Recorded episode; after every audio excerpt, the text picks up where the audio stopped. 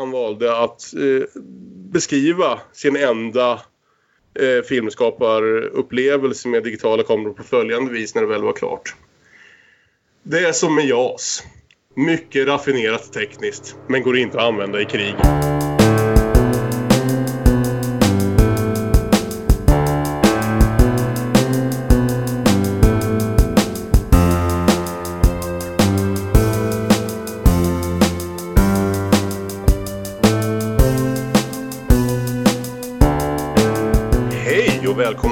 Demonpodden.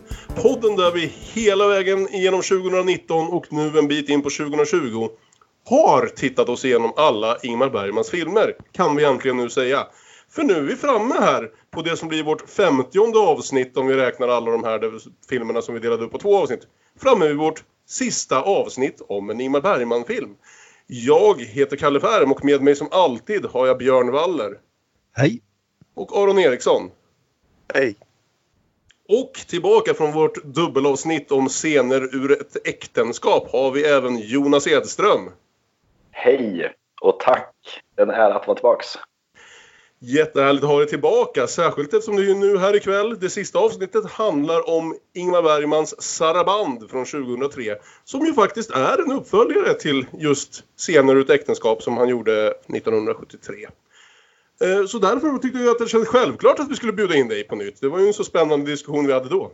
Men ja, jag vet inte, innan...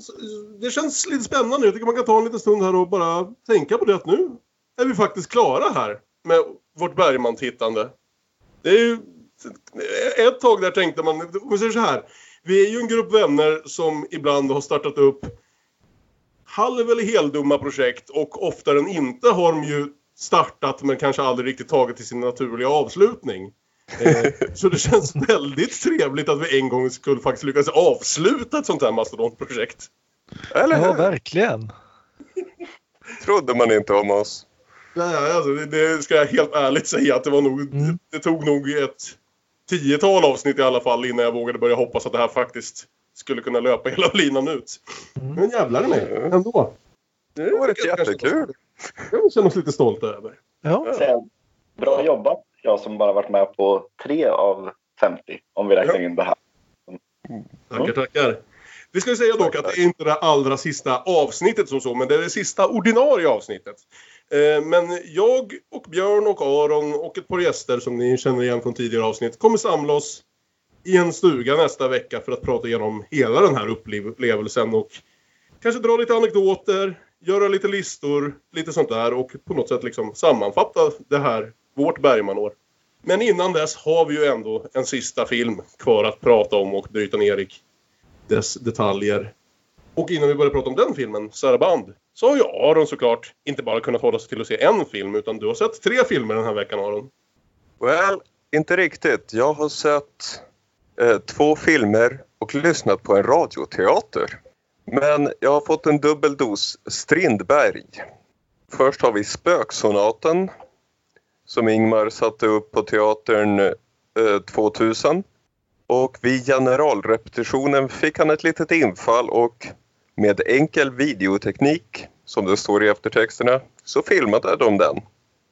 Och den visades på tv 2007 efter att Ingmar dött. Och eh, ja, det är ju filmat pjäsen. Det är inget försök att göra en speciell tv-version eller något. Ja, det är såklart en begränsning för dess kvalitet som film eller tv-film. Men den försöker samtidigt inte göra så mycket mer än... Den försöker inte göra något den inte klarar av. Till skillnad från Drömspelet 63 som ju kollapsade lite under sina teknikbegränsningar och blev lite jobbig att titta på. Men Så nu får man se pjäsen och det är en bra pjäs.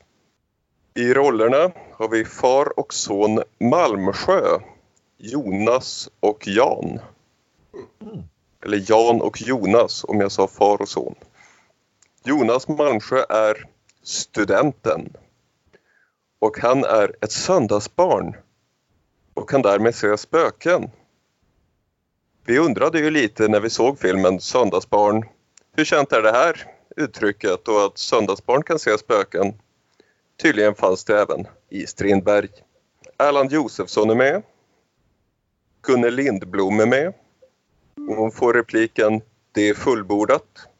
Precis som i världens bästa film, Sjunde inseglet. Och eh, om någon var imponerad eller för den delen föraktade refrängen till låten Till trolösa förra avsnittet. Vad tjänar det till att tala? Vi kan ändå inte lura varann. Så kan jag nu erkänna att jag knyckte den från den här pjäsen. Skäms, sa han. Skäms. Men också snyggt, ni som tog det redan förra veckan. Det är en bra pjäs. Det är den här svarta humorn som Strindberg bjuder på. Min far slutade på dårhus. Var han sjuk? Nej, han var frisk, men han var galen. Det är roligt. Ja, bra pjäs.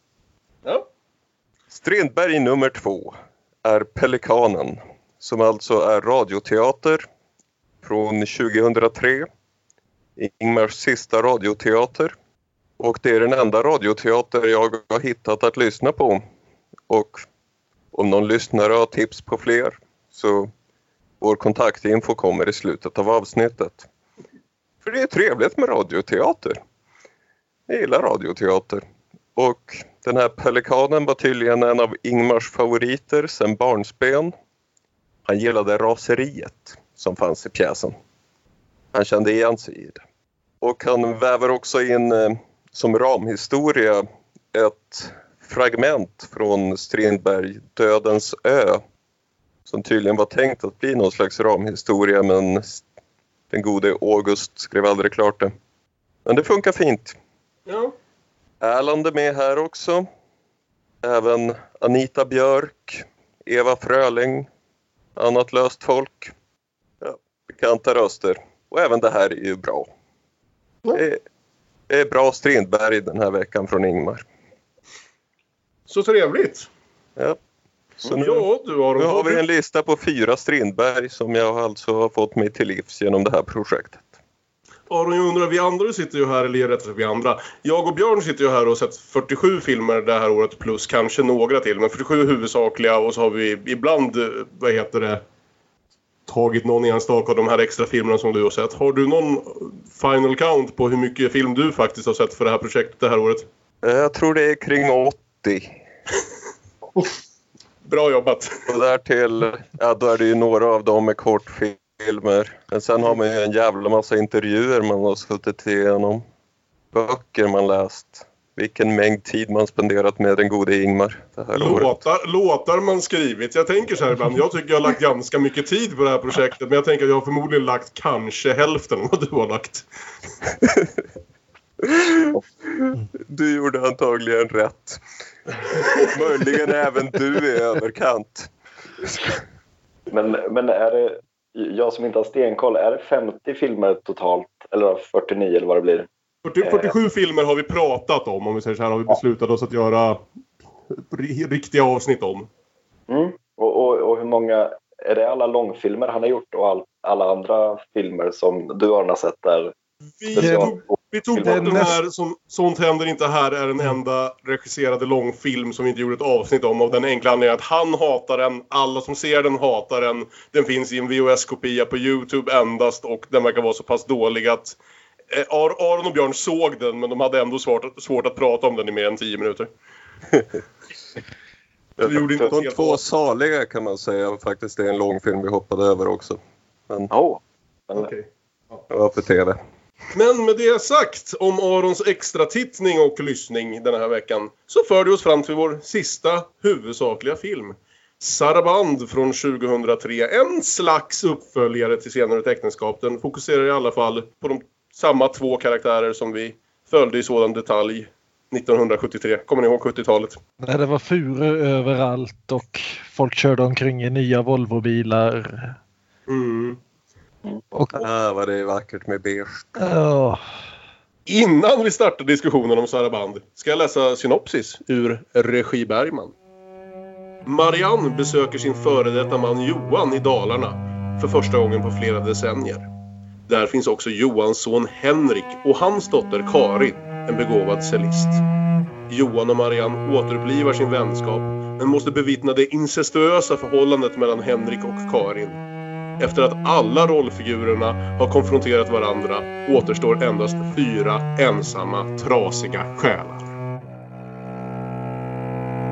Nu är jag ju nästan nyfiken på vad Jonas, som inte har sett någon Bergman månaden emellan här, eh, hur kändes att komma tillbaka in i den här världen och hur du upplevde skillnaden. För jag kan någonstans känna lite att de här 90-talsfilmerna som vi har sett lite förberedde mig inför stiländringen om man ska säga. Framförallt kanske Larmar och gör sig till och enskilda samtal gjorde mig någonstans så att jag redan var lite inne i den här ändå lite skilda stilen. Men hur upplevde du Saraband, Jonas? Jo, jo men det, det är roligt att jag, jag kommer alltid med ett annat perspektiv än er eftersom jag har noll koll på Bergman.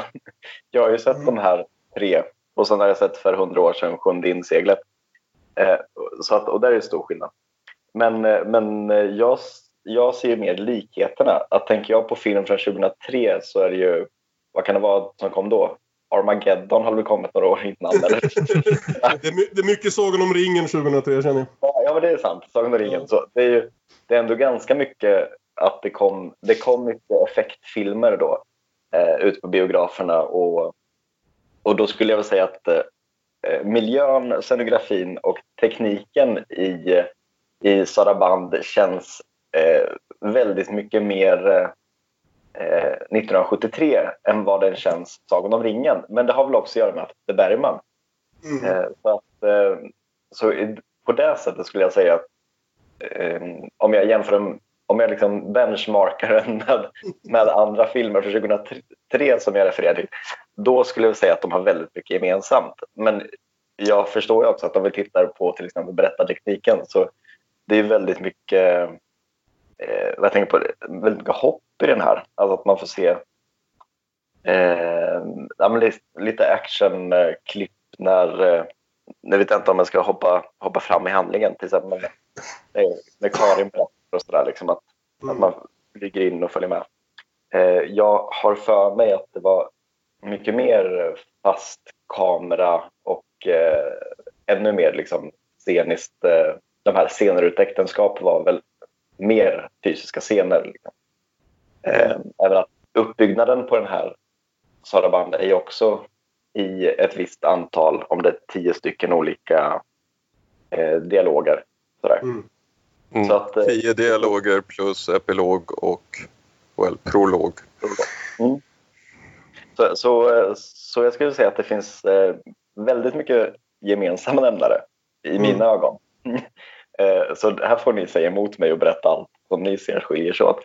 Eh, men däremot lite i berättarteknik och lite sådana finesser skulle jag säga att det märks att han har säkert gjort många filmer emellan har jag förstått.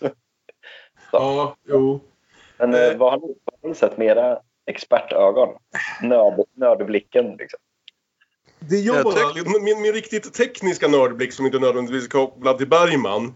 Men det är ju bara att jag blir påmind om hur mycket jag hatar den här tidiga perioden av HD-videokameror. Som får allting att se ut som billiga såpoperor oavsett om de är det eller inte. Jo, är, det är ett bekymmer. Uh, det är precis den här första vågen. Alla, liksom SVT köpte in nya HD-videokameror till alla.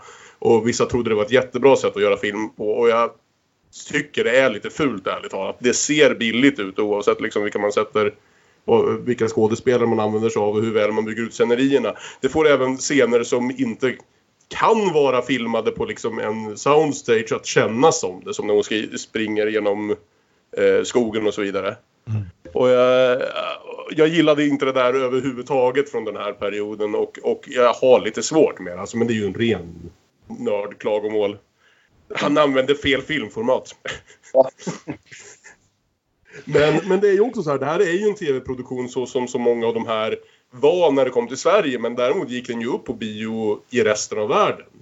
Och ser man det som så så kan den inte, känns den inte extremt visuellt imponerande på det sätt som, som hans filmer kunde göra. Men gjorde den, gick den upp på bio så mycket? Jag läste att Ingmar stoppade den här biograflanseringen på grund av just att han tyckte att det digitala fotot inte höll måttet. Det kanske är så Men det kanske gick över. Ja, men alltså det kan väl hända att den inte... Alltså oavsett vilket så är det inte en sån film som får någon slags stor lansering på tusentals biografer. Men jag är ganska säker på att den visades som biofilm i alla fall på filmfestivaler och lite annat sånt där. Så att den skulle vara liksom eh, enligt reglerna tillgänglig för olika priser och sånt där. Att det måste ha visats på bio ett visst antal gånger eller hur det brukar vara. Så jag tror nog att det Okej. gjordes ett antal biovisningar av den. Sen så är jag inte säker på att den fick liksom så här... Att den släpptes för, så att gemene man kunde gå och se den på bio. Utan det kanske mest var filmfestivaler. Ja, det var ju en miss. Det hade ju blivit rusning. eh, runt kvarteret. Men jag vill säga också, jag ska säga så här, jag såg den här när det begav sig. Det kan till och med vara så att jag faktiskt satt ner och såg den när SVT körde den första gången. Eh, vilket i sådana fall förmodligen betyder att jag såg den innan jag någonsin såg eh, Senare ut äktenskap. Men jag hade ju aldrig återvänt till den däremellan. Så jag tyckte det var väldigt spännande att komma tillbaka till den nu efter, efter det här året. Men samtidigt, om man får... Eh, jag, jag tänker liksom påpeka elefanten i rummet lite grann, i alla fall som jag känner inför den här filmen. Och det är väl att jag tycker ganska synd om stackars Julia Duvenius. Som landar i den här filmen med tre av de absolut bästa, bästa Bergman-skådisarna och inte riktigt kan hålla måttet alls, känner jag. För det är svårt att göra. Men eh, hon har fått en skitsvår roll och jag känner inte riktigt att hon fixar det. Och jag tänker tillbaka på pojken vars namn jag glömmer i eh, Så som min spegel. Som även han eh, landade i en film med bara tre Bergman-giganter. Och försökte hålla måttet och hade vissa svårigheter med det. Även om han var helt okej. Jag tycker det är lite värre den här gången. Ja, precis. Ja. Passgård. Jag- jag- jag, jag känner att det är lite värre den här gången faktiskt. Hon är lite utklassad och lite överspelande. Och lite Mm. allt möjligt. Jag tycker hon klarar sig för det mesta bra i rena dialogscener men det är när hon ska leverera någon tung replik själv. Det, det är ju faktiskt nästan lite tematiskt liksom med tanke på näst sista scenen men just det här att när det är hon som verkligen ska deklamera någonting det, det låter så teatraliskt så ja. Min stora besvikelse på det här det är egentligen att det inte är en speciellt lyckad uppföljare till Senare ut äktenskap. Det är ju en helt annan film egentligen där, som bara råkar ha två av samma huvudpersoner. Jag hade nästan hoppats på mer om Johan och Marianne än vad vi faktiskt får. Ja, det är sant. Det, det är en film i tio scener men bara tre av dem... All, tio scener där alla är dialoger plus som sagt en prolog och en epilog. Men bara tre av dem är ju dialoger mellan Johan och Marianne. Vilket... ehm, jag kan hålla med om att jag hade gärna sett ett större fokus på dem för det är ändå någonstans de bitarna som funkar allra bäst. Sen så ogillar jag inte alls det vi faktiskt får här för jag tycker den har flera starka scener samtidigt som det inte kanske är en av de mest alltså allra mest klockrena eller skarpa skildringarna Bergman har gjort. Eh, man undrar ju lite, det var ju, jag kommer ihåg att det var så otroligt stora nyheter när, när det kom att Bergman skulle göra en till sista film, även om det nu var en tv-film. Alltså, det, det är så konstigt för jag minns väldigt väl när, när Larmor gör sig till kom och jag minns så väldigt väl när den här kom. Men typ bildmakarna och sånt där kan ju inte ha gjort mycket väsen av sig. Eh, för det har jag banne mig inga minnen av. Så Det var nästan som att han verkligen, alla trodde han hade gått i pension, att han aldrig mer skulle höra av gubben utan att han skulle sitta av sin tid ute på Fårö resten av livet liksom. För det var ju verkligen, det var ju nästan fram, alltså löpsedlar vill jag säga när det här hände. När nyheterna kom att han skulle göra en sista film. Jag fick ju en väldigt stor överraskning så här i slutet av, av vår resa. Jag såg den här för några år sedan och var väl inte jätteförtjust. Ja, det var en axelryckning. Men nu tyckte jag det här var ju strålande. Ja, vad kul! Ja, det var jättekul även för mig. kul för podden, kul för mig. Och Julia Duvenius som, som jag inte var imponerad av det minsta. Jag tyckte hon var riktigt bra. Tyckte det var fint. Vad kul. Ja. Alltså jag, jag känner Bra det här. Bortsett från det här känner jag ju egentligen bara igen Julia Duvenius från Glappet känner jag. Och det är en så totalt annan form av skådespel. Eh, för jag minns inte att jag, hur, vad jag egentligen tyckte om henne där. Men jag minns att jag gillade Glappet som helhet när det begav sig liksom. Men, men, men att steget från Glappet till vad hon behöver göra här och vilka hon behöver skådespela emot är ett ganska stort sådant. Det är ganska roligt för i, i eh, jag har suttit och sett bakom kulisserna-filmen nu idag. Eh, och då, då nämner eh, Bergman vid en scen att eh, den här manuset är skrivet just specifikt för Julia och eh, alltså de enskilda skådespelarna där. Och då, då frågar hon så här, varför då? Du, du känner ju inte mig, eller du känner ju inte mig. Jo, men jag hade ju sett i det här, eh, ja men kladdet eller vad den hette. så, att, så jag, jag, tänker att det, det, är någon form av, man vet inte om det är efterhandskonstruktion, men, men på något vis så verkar det ändå ha, ha fattat tycke för henne från en helt främmande eh, roll som man måste liksom dissa framför henne. Men, men samtidigt lyckas göra en totalt annorlunda beställning åt henne som, som då kanske inte faller lika bra. Vilket ju är exakt vad Bergmans alter ego säger till Lena Olins karaktär i uh, efter repetitionen. Mm. Där, där, han neggar henne väldigt hårt genom att säga men du fick den här rollen för jag såg dig i den där filmen där du var riktigt, riktigt dålig men ändå, du hade någonting där. men uh, Julia Duvenius hade ju faktiskt gjort en roll på Dramaten åt Bergman också tidigare. Okej. Okay. Ja. Så de, de, hade jobbat ihop förut också. Det var inte fullständigt liksom att han såg henne på tv och liksom kastade sig på telefonen och “Get me that girl!”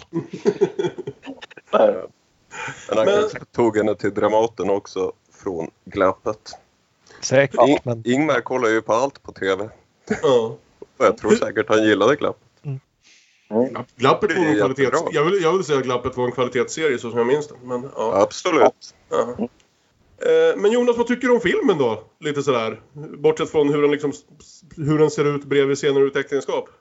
Får jag säga att den var ojämn? Jag tycker i stort, i stort att det var väldigt roligt att se den. Och jag gillar väldigt mycket att... För jag har ju...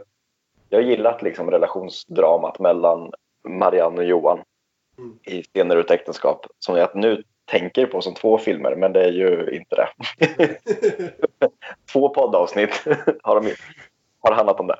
Det som är lite förvirrande är väl det som, som ni sa innan att det är väldigt lite fokus på dem. Och det är ju okej. Okay. Eh, många av de andra rollerna blir också intressanta men det blir det är inte jättemycket tid som har att göra. Alltså, de bygger upp väldigt många olika relationer mellan två personer i taget, gör Bergman här. Mm. Och jag känner väl att det är lite många kockar i soppan för att det ska ge så mycket, alla de här turerna som hinner gås igenom och humörsvängningarna som ska göras. Mm. Eh, och eh, så i slutändan hade jag väl velat bara så här renodla det hela och korta ner. korta ner och ta bort. För det är också vissa passager. Nu har jag svårt att bara minnas vilka, men då är jag uppenbarligen alltså, du är rent och satt, satt och gäspade för jag kände så här, nej men nu har de lagt alltså, det kändes som att historien går inte framåt och jag vill få reda på det som händer i den parallella handlingen. Men, men nu fastnar de i en, i en lång eh, utdragen scen här. Mm. Så att, eh, ja, så, mm. så, samtidigt introt i början tyckte jag var jättebra. Alltså, och mm. hela den här obehagliga situationen av att Marianne besöker eh, Johan ute i eh, Hej kom hjälp mig, är det liksom utanför Orsa någonstans har jag för mig att de nämnde. Mm. Jag tror du säger det. Orsa Finnmark eller något sånt. Och eh, det låter som att han liksom klättrat och åkt genom skogen eh, liksom, och, kommer, och, och, nästan bryter sig in i ett hus som nästan spökar när hon besöker det. Mm. Eh, för att hon är, dörrarna slår igen bakom henne. Hon är så väldigt ovälkommen eh, av huset i sig på något vis. Mm. Liksom, mm. och, och tvekar sig liksom in varje trappsteg. Och det, det är ett gökur som hinner slå två gånger bara hon går genom rummet. Sådär. Just den där scenen symboliserar väldigt mycket och sen står hon och liksom stirrar på Johan väldigt länge. Ja, ja. Eh, så hela, hela den delen tycker jag är jättebra och sen finns det andra delar som, som jag hade kunnat vara utan. Men så det, det där är min sammanfattning. bra, bra och dåligt förvirrande och, och ja, allt. Jag är glad att jag sett den. Mm. Ja, men vad kul. Så nu tycker jag vi drar igång. Ja, det där. Ja, det börjar med en prolog. Och det är Marianne, Liv Ullman.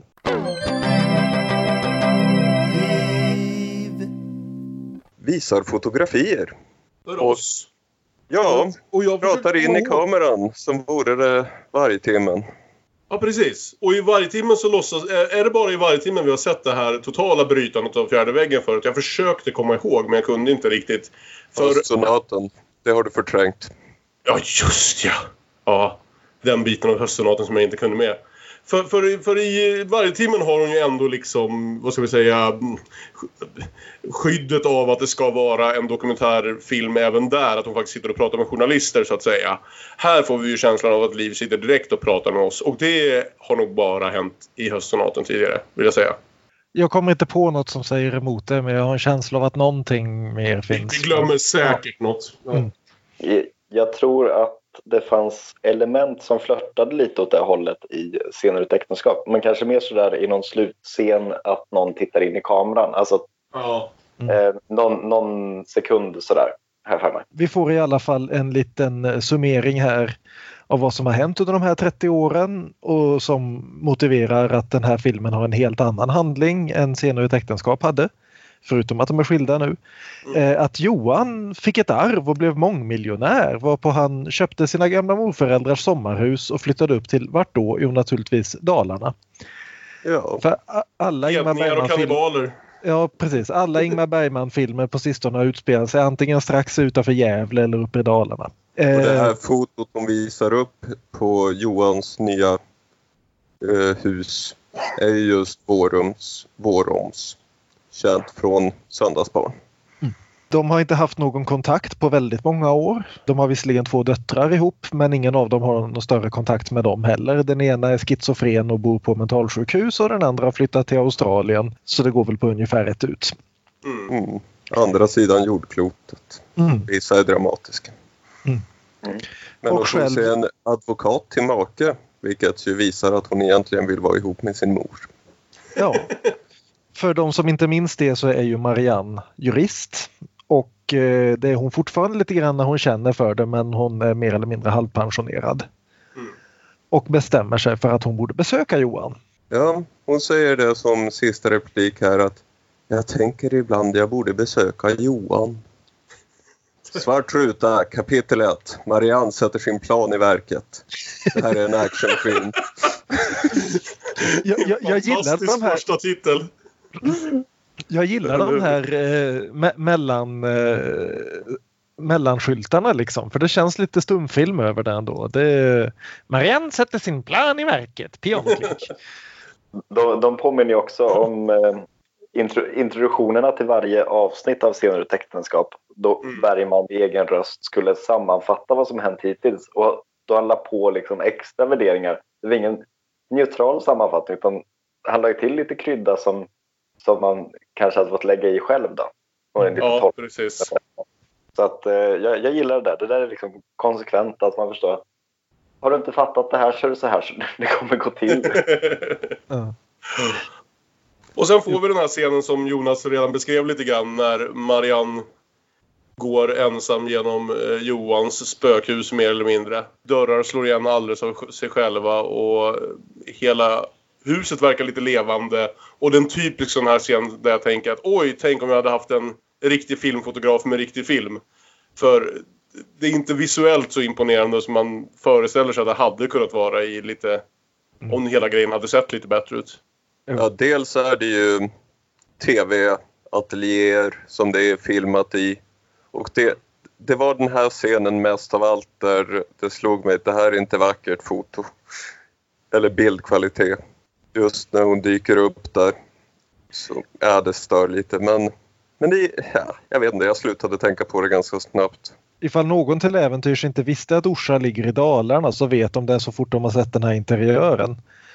För det är så Dalarna så att det enda som saknas är liksom att det skulle stå 20 dalahästar på bordet också. Liksom. Det är bonader, det är gamla möbler, det är ja, hela middevitten.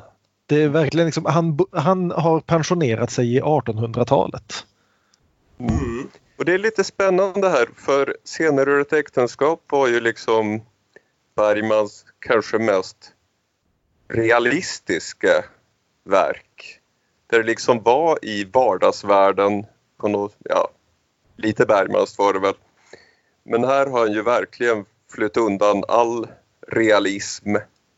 Huset lever, och tiden är ju helt galen för ja, Marianne får syn på, på sin älskade Johan som ligger och sover utanför.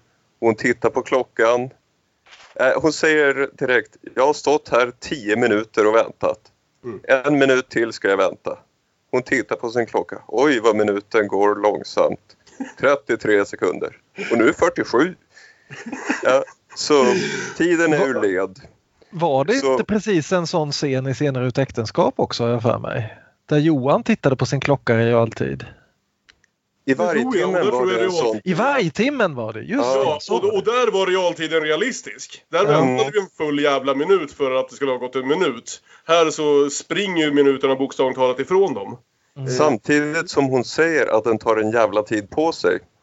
Så, så här är vi definitivt borta från realismen och inne i Ingmar Bergmans lite motsägelsefulla psyke. Och Mm. när hon går ut sen och väcker Johan så märker vi att tiden spelar precis lika lite roll eh, här som den gjorde där i Fanny och Alexander när, när eh, en konversation som vi såg i sin helhet på något sätt skulle ha tagit 80 minuter. Eh, För det brukade ju vara, som jag minns det rätt, att det var 11 eller 12 år mellan Johan och Marianne. Det har här växt till 23 år. Helt plötsligt är Marianne 63, vilket är Liv Ullmans faktiska ålder vid det här läget. Och eh, Johan är 86! Vilket är lite mer än Erland Josefssons faktiska ålder, men inte sådär väldigt mycket. Han var 80 när han gjorde den här 81 rollen. tror jag Ja. Bergman var 84. Så ja, det, det är en lite udda siffra. Att han, Mm.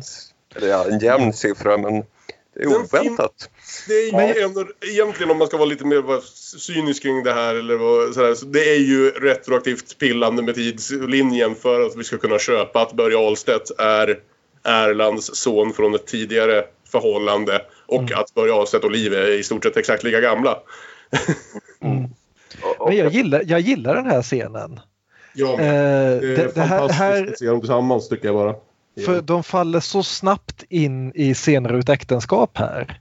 Att det är liksom, han är först glatt överraskad och sen så eh, blir han förbannad över att ja men liksom han tolkar direkt det hon säger. Ska det där vara en förebråelse eller? Mm. Och han har sagt åt henne att inte komma men det ger du uppenbarligen fan i. Det, det finns inte något fientligt i det direkt utan det är mest att han faller in i det här gnabbandet omedelbart fast de inte har setts på många år. Ja, det är fantastiskt fint och det ger ju liksom näst, en, nästan lite falska förhoppningar om att vi ska få en faktisk uppföljare till scener ut äktenskap med samma Ja. typ av fokus på de här två personerna. Mm. Eh, Så det kanske är det någonstans som, Ja. som leder lite fram till den här lilla känslan av besvikelse som jag också kan känna över att det inte alls den filmen vi tittar på i slutändan. Ja. Men vi har också den här jättefina scenen då där han liksom börjar resa på sig och det är ju uppenbart att du har dels det att han är gammal och dels att Erland Josefsson ju led under Parkinsons ganska rejält här. Och det är ett jobb för honom att resa sig upp och hon nej, nej, nej, sitt kvar, nej, nej, jag måste omfamna dig. mm. Och det, ja. Det är fint. säga, jag- har inte sett den här bakomfilmen som ni har sett men jag såg en annan intervju som, som egentligen mest handlar om scener ut äktenskap men den är helt klart filmad när de var ute på någon slags turné för Saraband.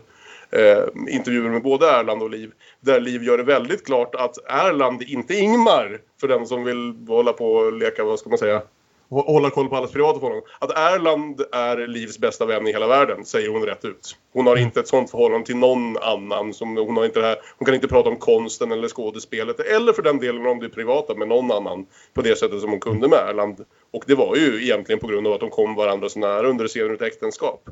Och det tycker jag känns väldigt, väldigt väl i just den här scenen framförallt. Ja. En fin anekdot vi kan trycka in här då är Ja, Liv regisserade ju Trolösa där Erland har en huvudroll.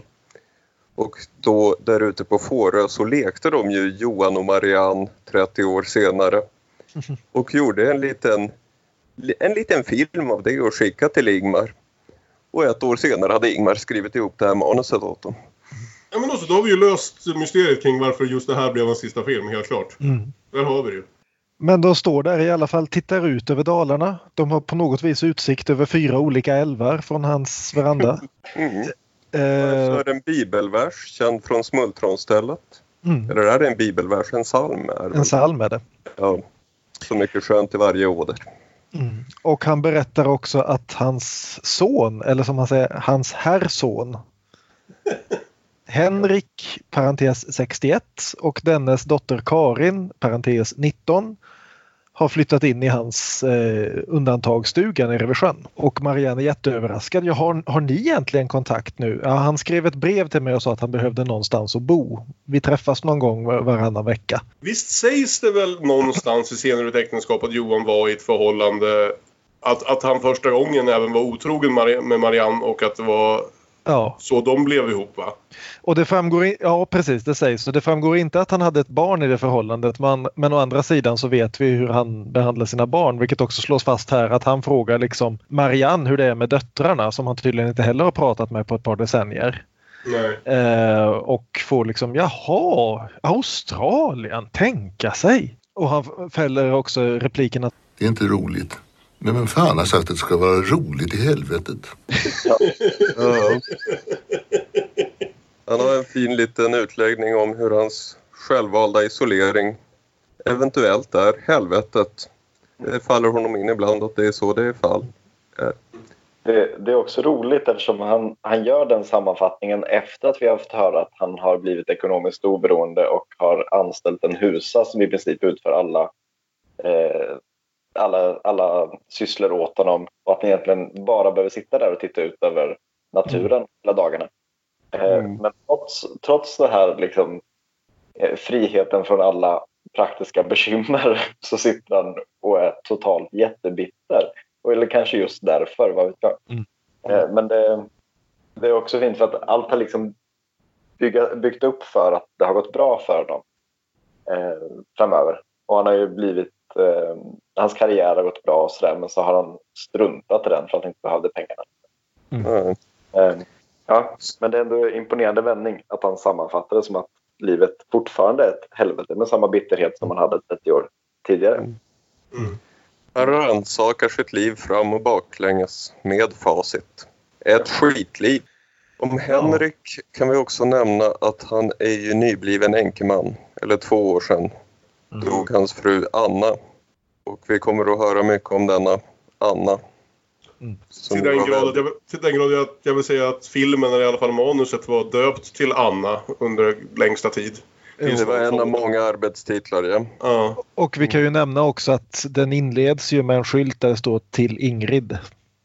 Ja. Det nämnde vi inte innan, men eh, så den är ju och det är också ett foto av Ingrid von Rosen som spelar Anna i filmen. Så, ja. Jag, jag tänkte det, men det, det, det, det, är väl det, det är väl det andra som bidrar till att Bergman gör den här filmen nu. Mm. Mm. Och som vi kan sammanfatta för er som inte håller det här, lägger det här på minnet lika bra som vissa av oss. Men Ingrid von Rosen var alltså Ingmars sista fru som hade dött åtta år innan det här vill jag säga. Jag tror det var 95. Johan inser, just fan middagen. För eh, det ska ju bli middag här. Så han går sin väg. Och Marianne sitter då ensam kvar och får den härliga repliken. Åh gud vad jag ångrar mig.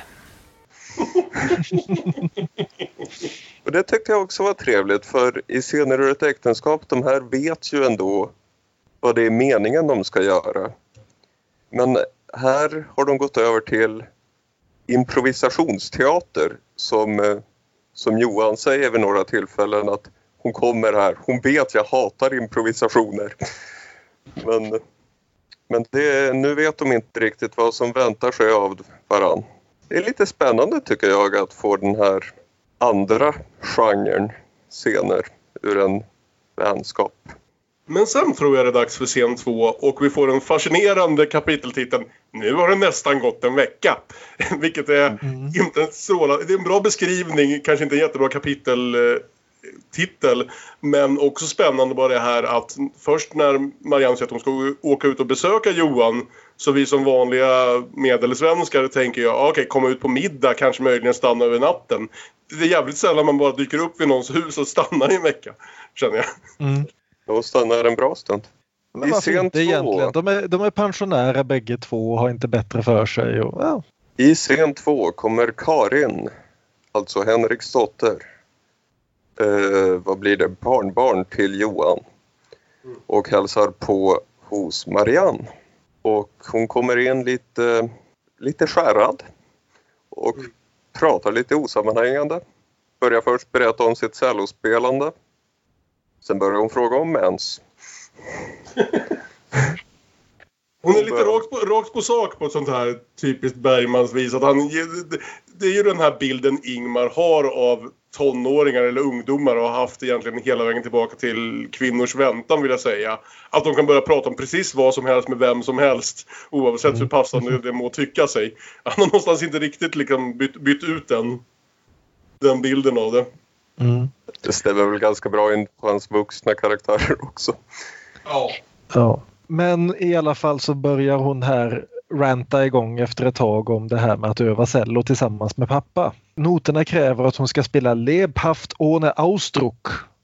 Vad betyder då detta på svenska? Jo, livligt men utan uttryck. Vilket återigen, höstsonaten. Mm. Känslosamt, inte sentimentalt. Precis. Och till slut så lackar, lackade hon och ville gå varpå pappa höll fast henne med våld och skrek att hon inte fick gå. Och här tycker jag, det, sånt här hade jag verkligen velat ha mer i filmen. Jag, jag är inte fullt så kritisk mot bildspråket som Kalle är men jag, jag tycker liksom när filmen slänger in såna här saker typ två, tre gånger bara på två timmar så tycker jag det är lite synd att den är så statisk i resten av filmen. För här så plötsligt så får vi en flashback med Börje Ahlstedt och Julia Duvenius som kämpar mot dörren och det är en stor röd vägg och det är psykostråkar och det klipper till Julia som springer i nattlinne och eh, gummistövlar genom skogen till en liten kärn och står och skriker. Och sen tillbaka till rummet där hon sitter med eh, Marianne då. Och det är liksom det är jättekul att han stoppar in såna här grejer men jag hade velat ha lite mera. När han väl liksom så här tidigt lägger in det så tycker jag det är synd att det inte kommer så mycket mer. Det blir ju aldrig mer film av den här filmen än vad det är just här. Nej, precis. Så, så är det ju verkligen. Och det är också ett spännande sätt att introducera Börje i att vi inte ens ser honom egentligen. Vi ser hans rygg. Och vi hör han, honom och sådär men det går inte ens riktigt att identifiera honom från de här korta liksom skräckartade eh, vi får via henne här. Och ja, nej, jag tycker också det är jävligt effektivt. Jag hoppade nästan till lite grann sådär. Så det är, som sagt, det, är väldigt synd att det inte är mer sådana intryck. Och jag tänkte lite på den här scenen, just när hon springer genom skogen där, det känns väldigt mycket tillbaka till Sommaren med Monica. Den där Oh, ja. sekvensen när, Mo- när Monica blir ett uh, vilt barn i bussen ute i skärgården och springer iväg genom, genom buskarna och snåren. Och även Persona, liksom just den här långa, långa steadicam-åkningen rakt genom en, en miljö som inte borde medge steadicam-åkningar. Nej, precis. Te- te- te- tekniken har äntligen hunnit ikapp Bergman där. det är en fyrhjuling kan jag berätta. Mm. Jag som sett bakom kulisserna. Ja, Okej, ja. Ah, ja. De, de, de har faktiskt lyckats hitta ett skogsparti som är precis med en liten lerig väg som de, eller med en ganska stabil eh, sån skogsväg som de kör på. Eh, men, jag, men jag funderade också på hur de hade fått ihop det och sen har de lyckats klippa bort, eh, alltså zooma in väldigt snyggt på henne. Eh, så att miljön ser mycket tråkigare ut runt omkring men just eh, utsnittet är det blir väldigt snyggt. Det var också roligt. De målade verkligen med färg på löven så att det skulle bli höst. Sprang runt med gul målarfärg och fixade det. Ett helvete nu när alla envisas med att det ska vara färg på filmen.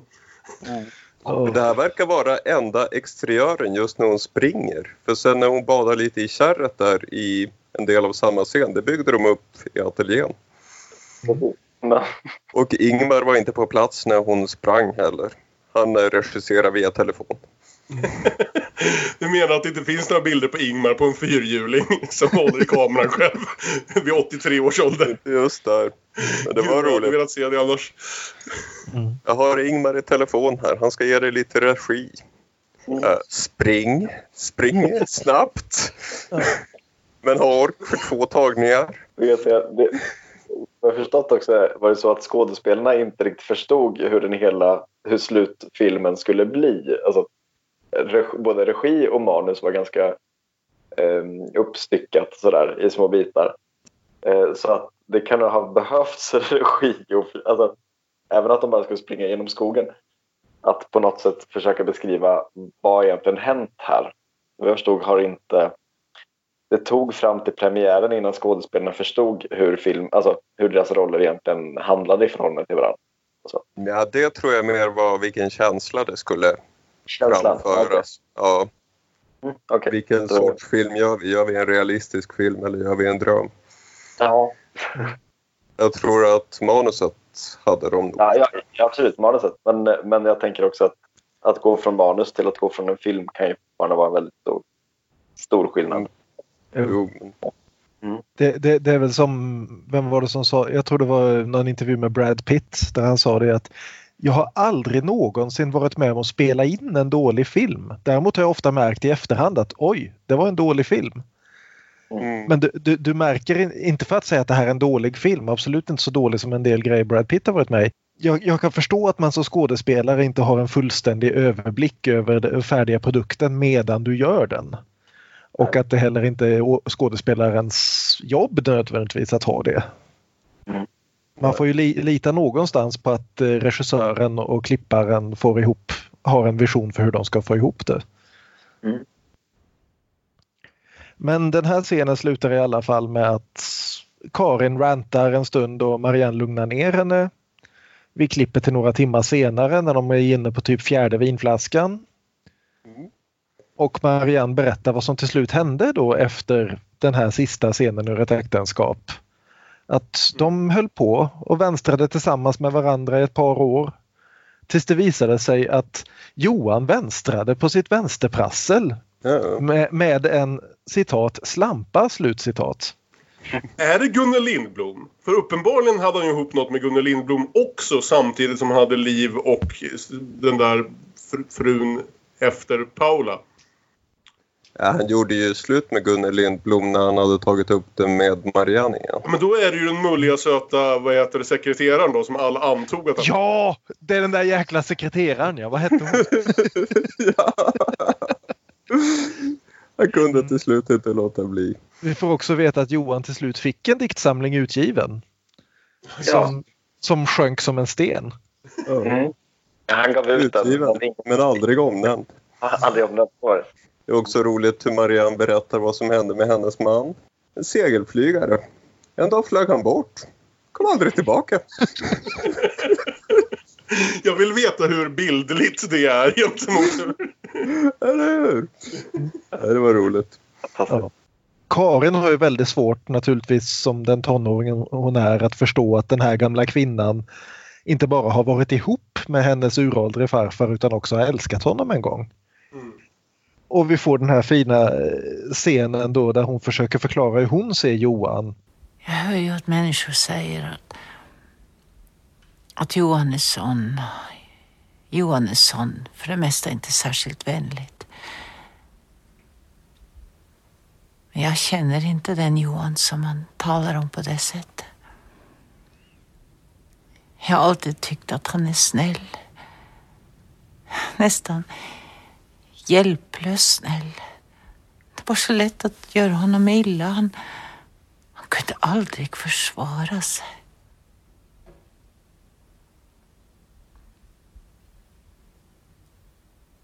Jag tycker att Johan är en rörande person.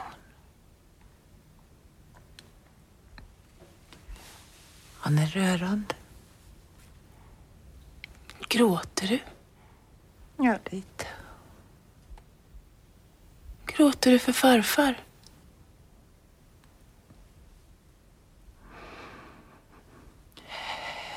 Jag gråter för Johan och Marianne. Liksom här är det fortfarande en, väldigt mycket en uppföljare till senare ett äktenskap.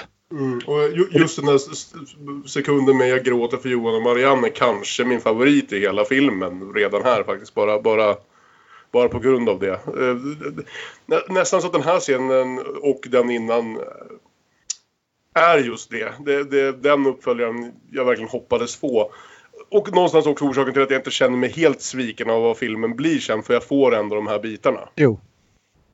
Och också det här, vi, vi märker det som Björn nämnde tidigare, nämligen att Julia Duvenius, som jag tyckte var ganska jobbig i första halvan av den här scenen där hon rantar och sådär, är som du säger väldigt istället mycket bättre på att istället sen när hon behöver reagera och spela mot Liv Ullmann.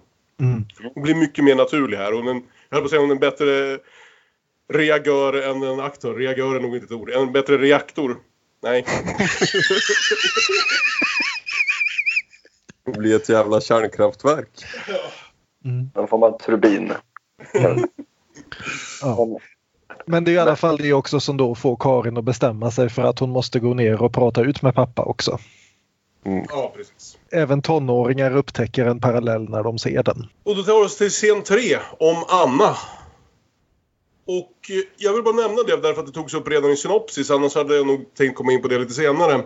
Men just det här som nämns där om att det är ett incestuöst förhållande det här i någon bemärkelse. Eh, det, det blir ju lite mer klart, eller att det finns sådana undertoner blir ju väldigt klart i en senare jävligt chockerande ögonblick. Eh, jag tycker det är väldigt snyggt underspelat rätt igenom den här filmen. För jag fick också den, vad ska vi säga, föraningen, de tonerna, lite den känslan. Utan att det egentligen är någonting som alls påpekas eller landar i fokus förrän just det ögonblicket som kommer i scen 8 vill jag säga. Jo, och, och jag tycker ändå, jag är fortfarande inte övertygad om att det är en, vad ska man säga, en fullbordad incest eller att någon av dem är medveten om att, det- att det verkar dra ditåt. Det tror inte jag heller. Jag Men, att, men, men Nej. det är definitivt ett känslomässigt förhållande mellan dem som inte är sunt. Det känns som ett väldigt freudianskt, om man säger Ja. så. Liksom. Mm. Precis. På, på den symboliska sidan. Psykologiskt. Ja. Ja, vi har ju då den här scenen där de först, först kommer Karin tillbaka och eh, säger att egentligen borde vi prata och eh, Henrik försöker förklara vi behöver inte prata. Vi, be, vet, vi vet precis var vi har varandra, allting är solklart, vi har ingenting att tala om. Men sen Men går sen- de och lägger sig. Ja, Och, och de delar säng. Vilket ju är, ja, någonting bara det. Och då känner han ändå ett behov av att förklara. Och bilden på Anna, som alltså är Ingrid von Rosen, även om jag inte kände igen henne på bilden, men jag läste mig till det efteråt, så pratar han om deras förhållande och han pratar om att han hade ett ägandebehov av henne redan tidigt, redan innan de gift sig. Och ja, de hade något bråk. Och helt plötsligt hörde han sig själv säga med en röst han inte kände igen. Man får inte lämna mig. Inte ens du får inte lämna mig utan man får inte lämna mig. Mm. Någonting han märkte hos sig själv där. Mm. Och han trodde hon gick men så hörde han hon har bara satt igång kaffet. Och jag förtydligar jag berättar det här som en förklaring, inte en ursäkt. Det finns ingen ursäkt. Och fyller i med om du lämnar mig är jag utblottad. Så det är ju det där utpressningen som han utövar samtidigt som han erkänner att well, det här är ruttet av mig. Men så är det. Jag tycker det är fantastiskt att se Börje här. För jag tänker nu, ja, men herregud jag har ju sett Börje i så många av de här filmerna. Men jag inser att han alltid innan det här, i den här serien just alltså Bergman-filmer, har spelat någon variant av morbror Karl. Det här är första Ja. gången vi ser Börje spela en roll som inte alls är morbror Karl. Vare sig den något fiktiva Fanny och Alexander-varianten eller den Karl som vi såg i den här serien filmer under 90-talet. Han Eh, hade ju en pytteroll i Reservatet 1970 och han har väl varit med väldigt mycket på teatern. Men det var först med morbror Karl som, som han fick ordentliga filmroller. mm. Och det har där- han ju kört till perfektion nu.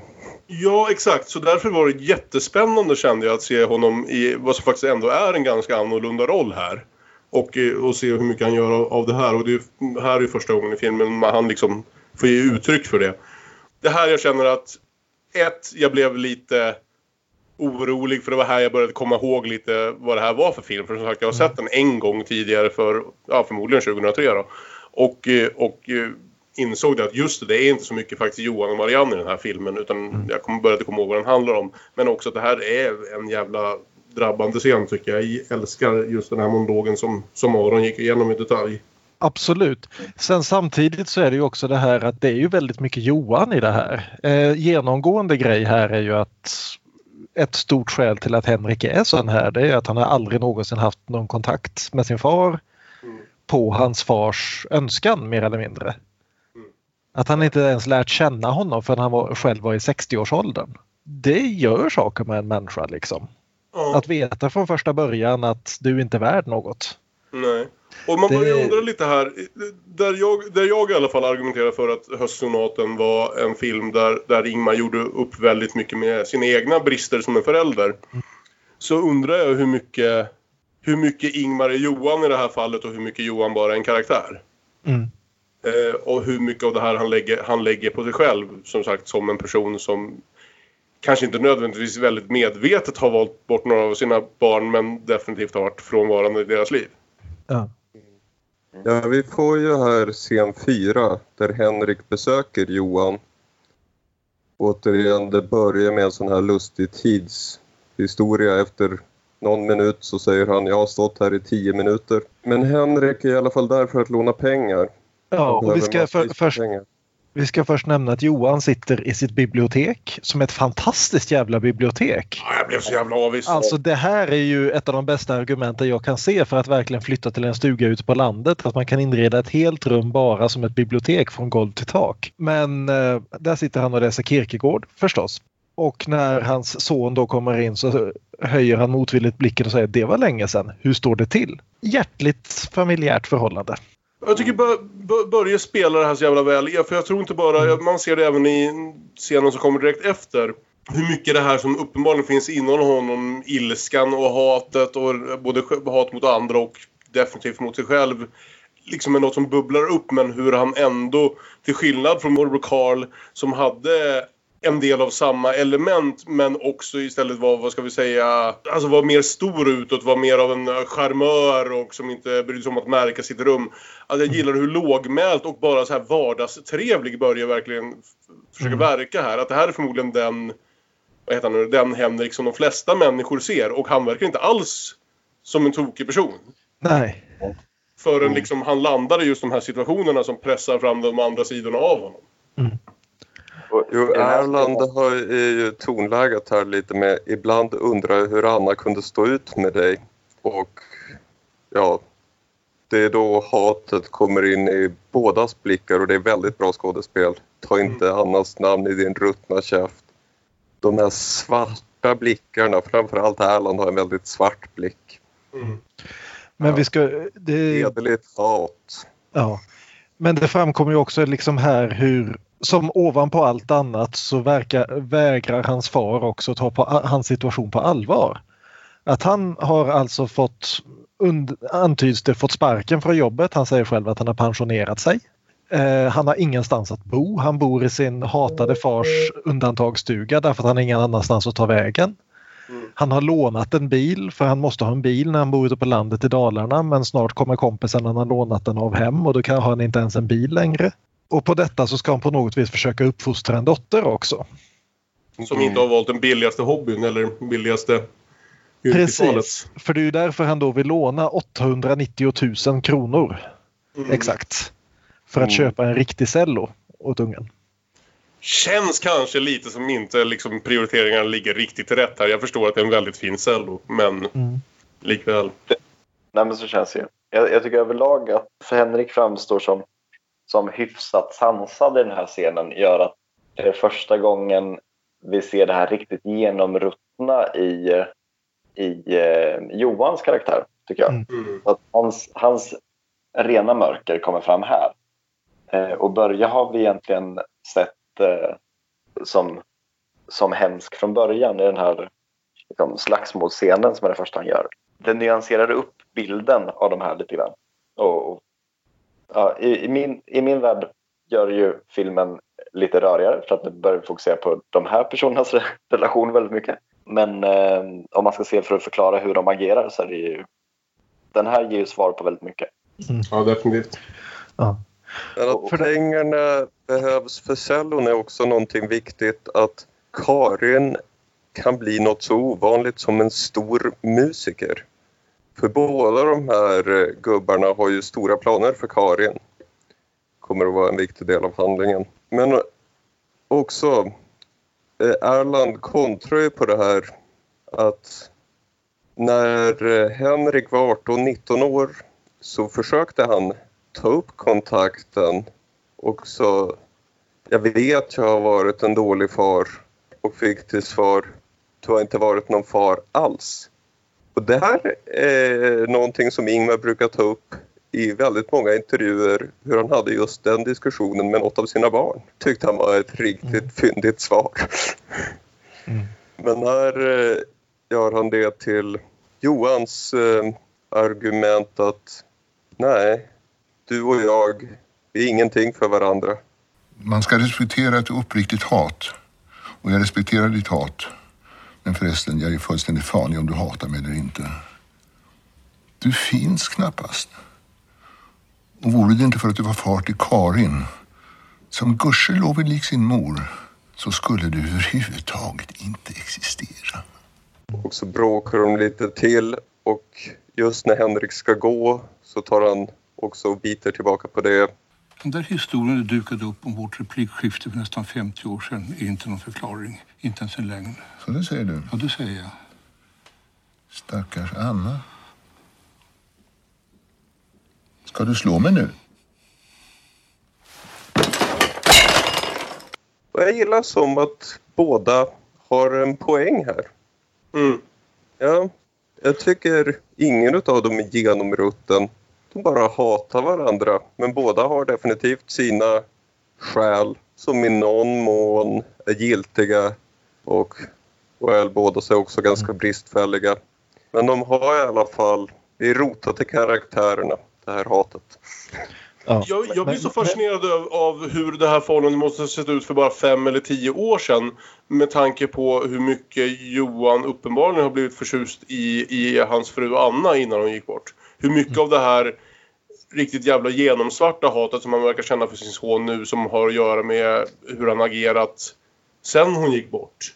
Så att säga, om det, hur mycket som förändrades då. Det är bara sånt som vi liksom får ana oss till.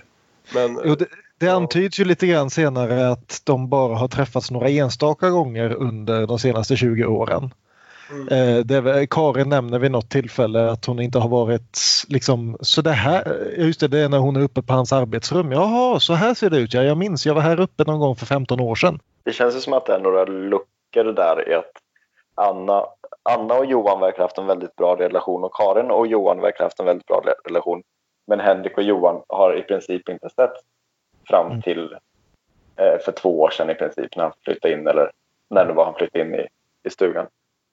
Eh, Stugan var väl några månader sedan. Ja, precis. Några månader sedan. Ja. Två månader. Ja. Men, men, men, men också just det här, återigen alltså Börje Ahlstedt, hur han får en chans att reagera här. När Erland Josefsson då har den här monologen när han förklarar att jag hatar inte dig, du är, du är inte tillräckligt mycket för att hata. Bara Ahlstedts ansikte i den scenen är ju förkrossande. Helt jävla Det är, liksom, fantastiskt. Jag sitter... det är fu- fullständig desperation. Här har han alltså liksom verkligen kastat sig på nåderna för någon han vet att inte tycker om honom och blivit fullständigt nedsliten. Mm. Det är liksom som- verkligen, nu, nu sitter jag på min sista gren här och pappa tar fram sågen och bara liksom utan att ens titta dit bara sågar av den. Nej, alltså jag sitter ju som jag brukar göra under de här inspelningarna och har filmen på ena monitorn tyst för att påminna mig om vad som kommer. Och sådär lite grann och jag har precis Börjes ansikte stirrande på mig i detta nu. I just de ögonblicken och ja, nej det är verkligen någonting. Det brukar ha jag också gjort mig en, säga, en uppskattning för det. När man märker bra skådespel även utan att ha ljudet på. Det är något alldeles fascinerande. Men eh, scenen slutar i alla fall med att Börje blir så förbannad att han slår ner pappas böcker och lampa i golvet och ljuset går upp väldigt onaturligt. Ja, Men nästa akt i så fall, den heter ju kort och gott då Bach. Marianne går till den lokala kyrkan och sätter sig i bänken och lyssnar medan Henrik sitter uppe på orgelläktaren och spelar Bach. När han är färdig med det så kommer de att prata om Karin och Anna. Och, Och den, en, än mer den här scenen än den i förra, förra scenen, i början av förra scenen där vi verkligen ser hur förmodligen de flesta människor som möter Henrik ser honom. Mm. Här är han ju liksom hur trevlig och alldaglig och kunnig och sådär som helst. till en början.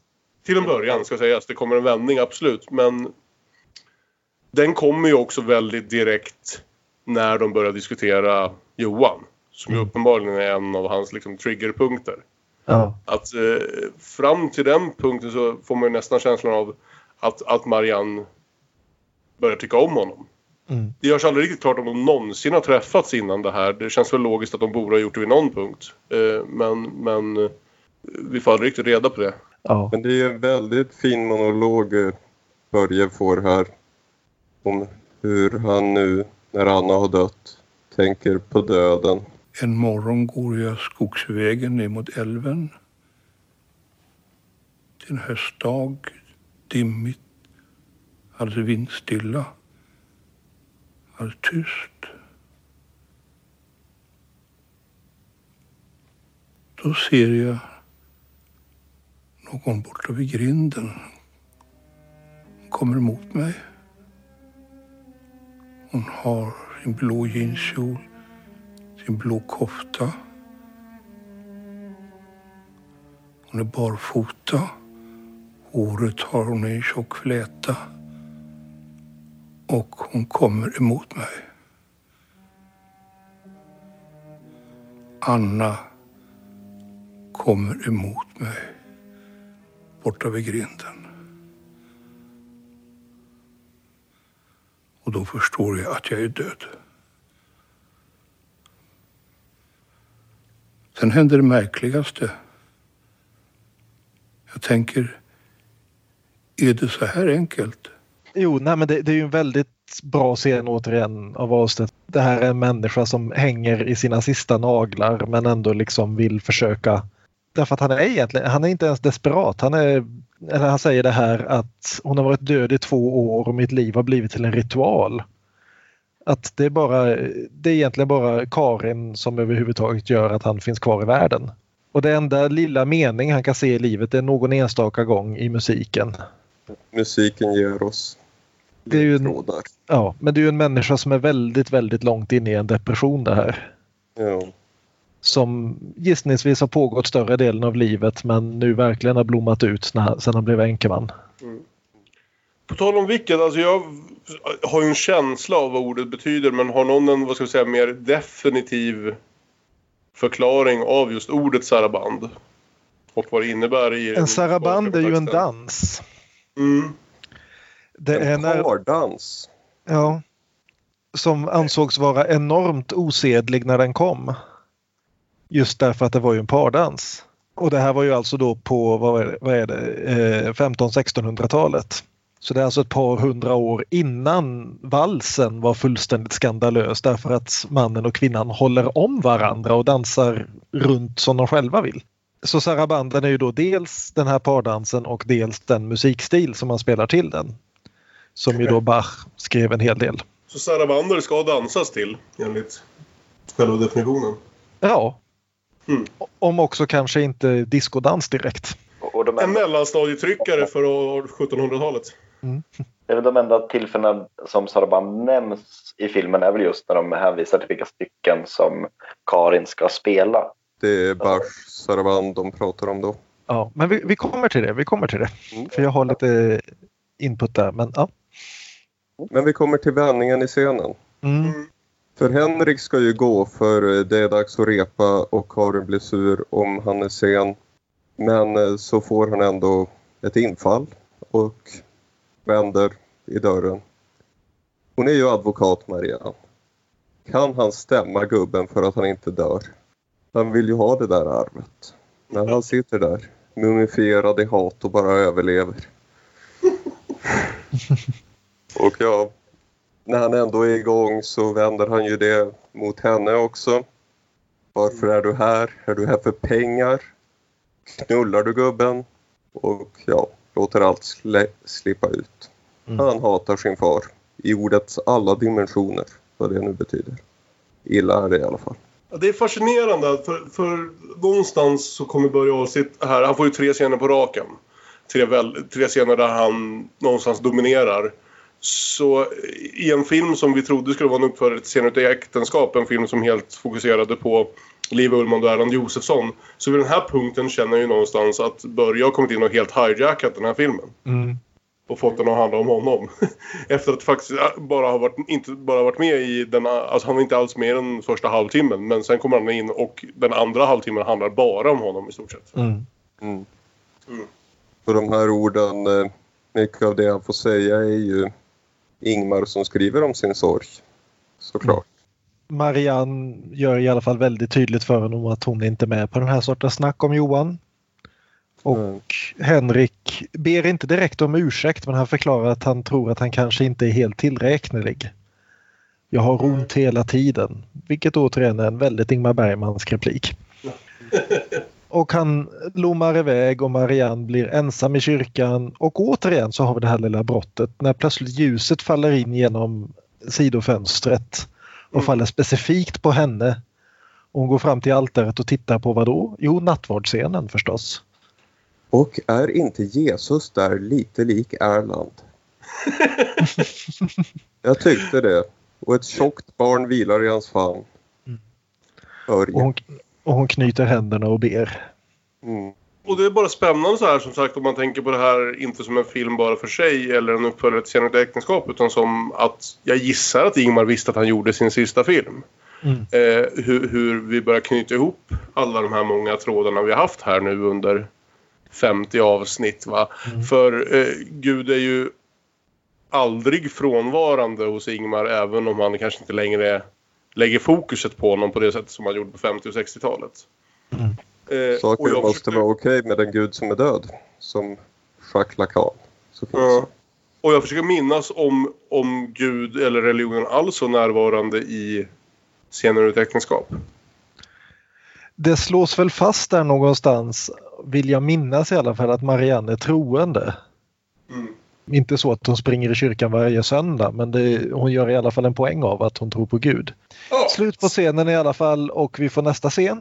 Där det plötsligt blir en jäkla massa musik för Johan sitter på sitt kontor och diggar Anton Bruckner på högsta volym. Ja, fan vad det svänger.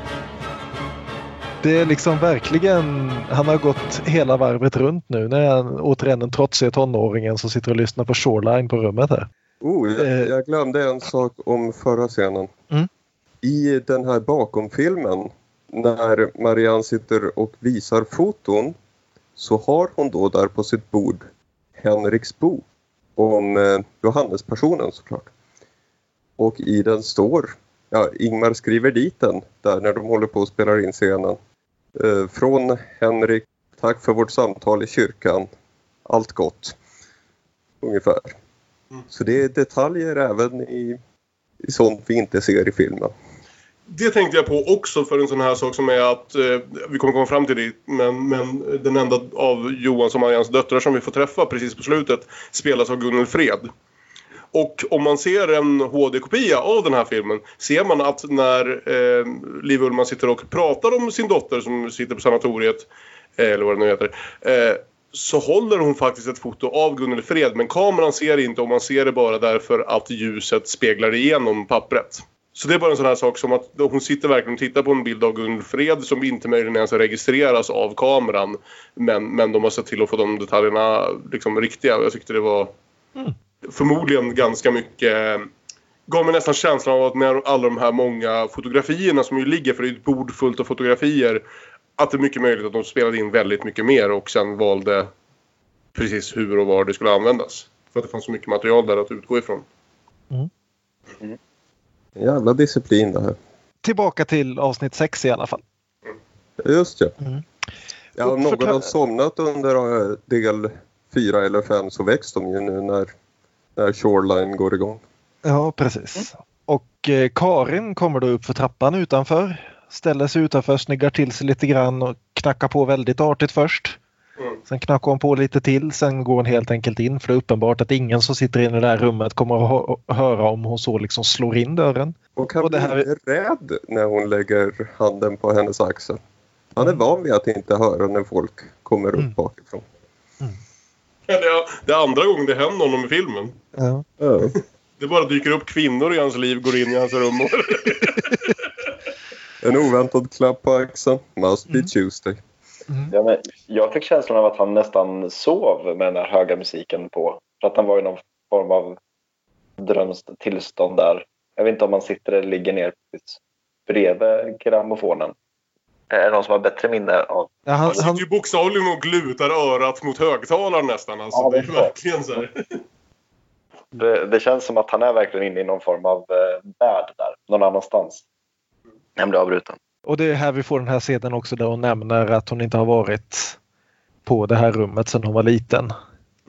Hon nämner att du, rökt, du rökte cigarr på den tiden. Han sa jag slutade när jag läste en biografi om Freud. Vilket nästan är filmens enda skämt tills han Ja, då liksom följer upp det med att säga säga. för du vet Freud fick cancer i munnen av att röka cigarrer. Vilket, jag, jag älskar det liksom att det blir ett dubbelskämt av det. Vi förväntar oss det här uppenbara Freud-skämtet och sen så blir det, naha, ja just det, cancer, ja jo. det, det, lite humor har han kvar ändå Ingmar. Ja, de pratar ju lite om jag och din pappa. Vi träffades ibland när Anna envisades med det men jag och Henrik, ja du vet. De sammanfattar det där med ja du vet. Ja. De älskade både Anna och försökte väl lite tafatt. Ja, du vet känns ju som det svenskaste sättet att sammanfatta något jobbigt. Ja. Men farfar har ju en agenda med att kalla till möte. Han har fått ett brev från Ivan Shablov. På en eh, lustig blandning av engelska och tyska. Saknas bara ordet Über General Command Führer.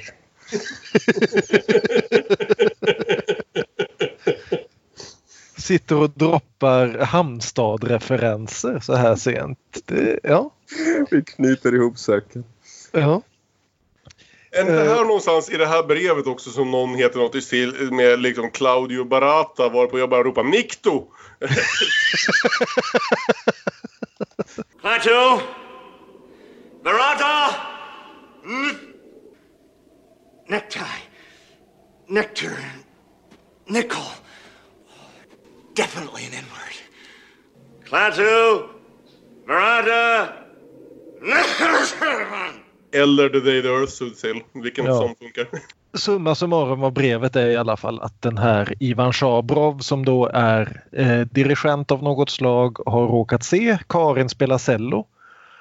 Och när han fick höra talas då om att hon är barnbarn till en av hans gamla vänner så tänkte, hon, tänkte han att jag tar väl och erbjuder henne ett stipendium för att åka till eh, Helsingfors och studera direkt under mig. Han är med andra ord en liten Deus Ex Machina som vi behövde här lite i stil med Ja. hur vi har sett Ingmar. Ja, som ju i och för sig, som vi lärt oss nu, hände Ingmars föräldrar i verkliga livet med den här, vad han nu heter, prästen. Så det blir valet hon ställs inför. Antingen åka till det här häftiga projektet i Helsingfors, lämna pappa eller fortsätta med pappa. Mm. Och söka in i, ja, i Sverige. Ja. Och vi får en liten fantasiscen från Karin om att vara solocellist. Där hon sitter ensam med sin cello omgiven av vitt och fejdar ut och hon är en liten prick och till slut syns hon inte alls där hon sitter och spelar. ja, det måste vara den längsta utzoomning vi haft i en Bergman-film va? Ja, det är vad man kan göra med det nya digitala uppenbarligen. Det här är en sån typisk bit där jag faktiskt tycker det här ser ganska jävla fult ut och jag tänkte mig hur en riktig filmad version av det här. Till och med i Ur marionetternas liv såg ju liknande scener snyggare ut. Ja.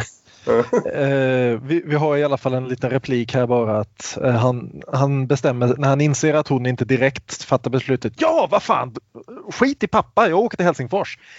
Så eh, svarar han att han ska skriva till Shabrov och förklara att du är överväldigad men ditt beslut har konsekvenser för människor som står dig nära så du behöver lite betänketid.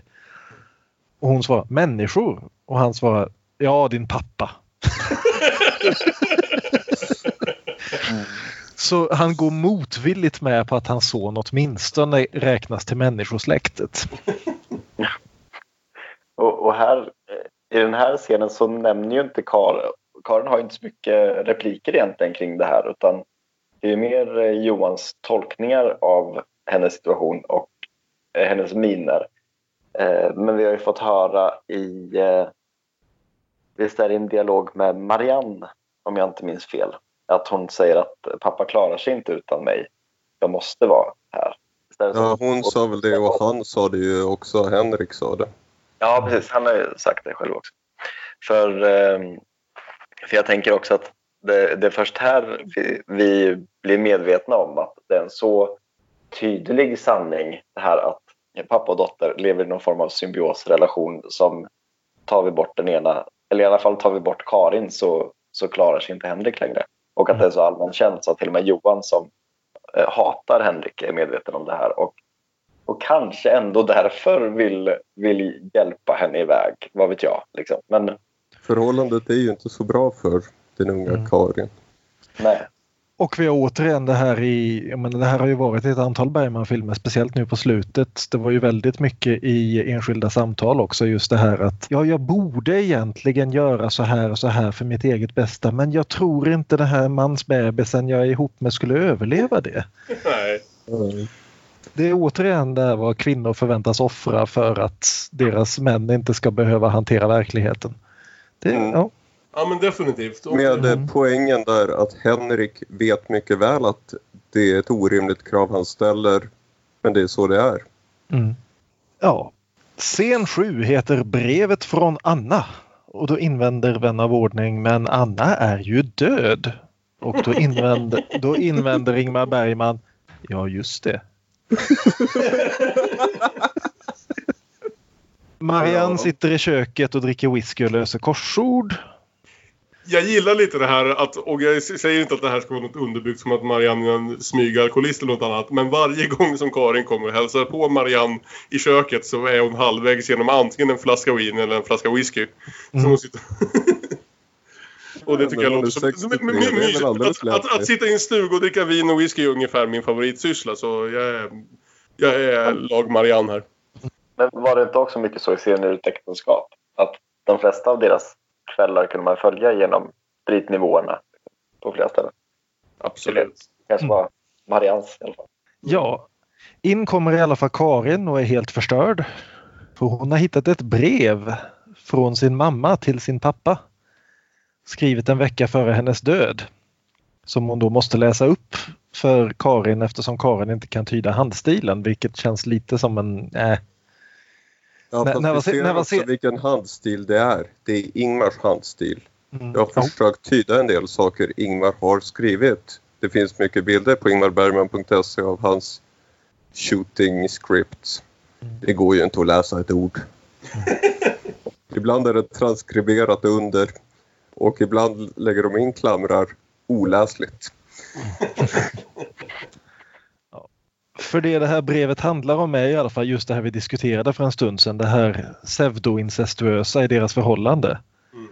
Att Anna är mycket medveten om att när jag är borta så kommer du att klamra dig fast vid Karin och ni kommer att sjunka bägge två. Du får inte använda dig av Karins kärlek, då skadar du henne.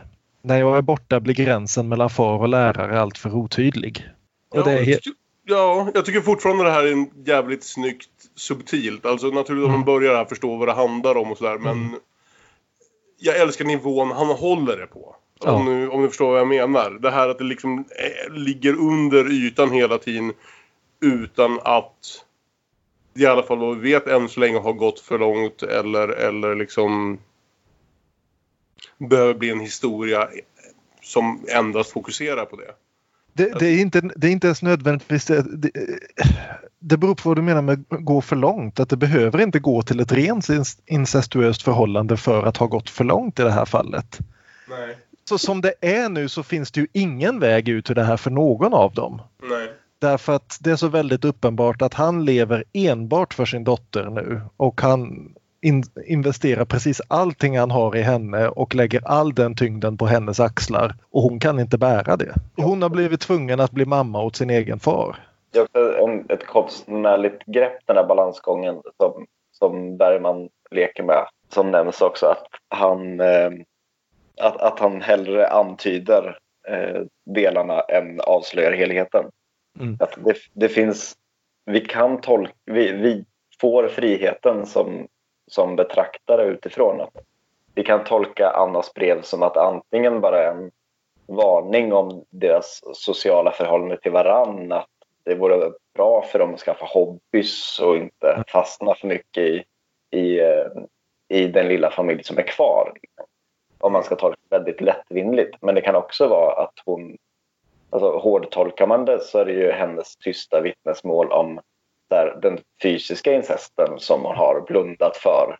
För hon säger jag har ju sett det här, vi har ju aldrig pratat om det. Men Eh, alltså den här mer eh, hennes roll som kanske medberoende till deras eh, antingen helt utlevda eller bara antydda sjukliga relationer eller vad man ska säga. Incestuösa. Eh, Så att jag tycker det där, det där är så himla fint och obehagligt att vi får inte hela sanningen utan vi tvingas liksom öppna för båda och alla dörrar och själva försöka hoppas fram till att det är, alltså vilken väg Mm. vi väljer att tro. Men, eh, men eh, jag tycker det är något av det bättre, alltså något av det, det bästa med hela filmen, att han lyckas hålla den där balansgången. Att Bergman gör det rakt igenom. Från, eh, från den första scenen med, med Henrik och Karin då, då de faller ur scenen i en brottningsmatch som nästan liknar liksom en eh, övergreppsvåldtäkt eller sådär liksom. Mm. Eh, men, som, men vi inte ser för att den eh, skyms bort till eh, liksom deras kyssscen som är helt obscen till det här brevet. Liksom. Att eh, allt skulle kunna vara en, en tillfällighet eller en, eh, ett undantag men allting kan också vara bara en toppen av ett isberg. Så, det vi får se.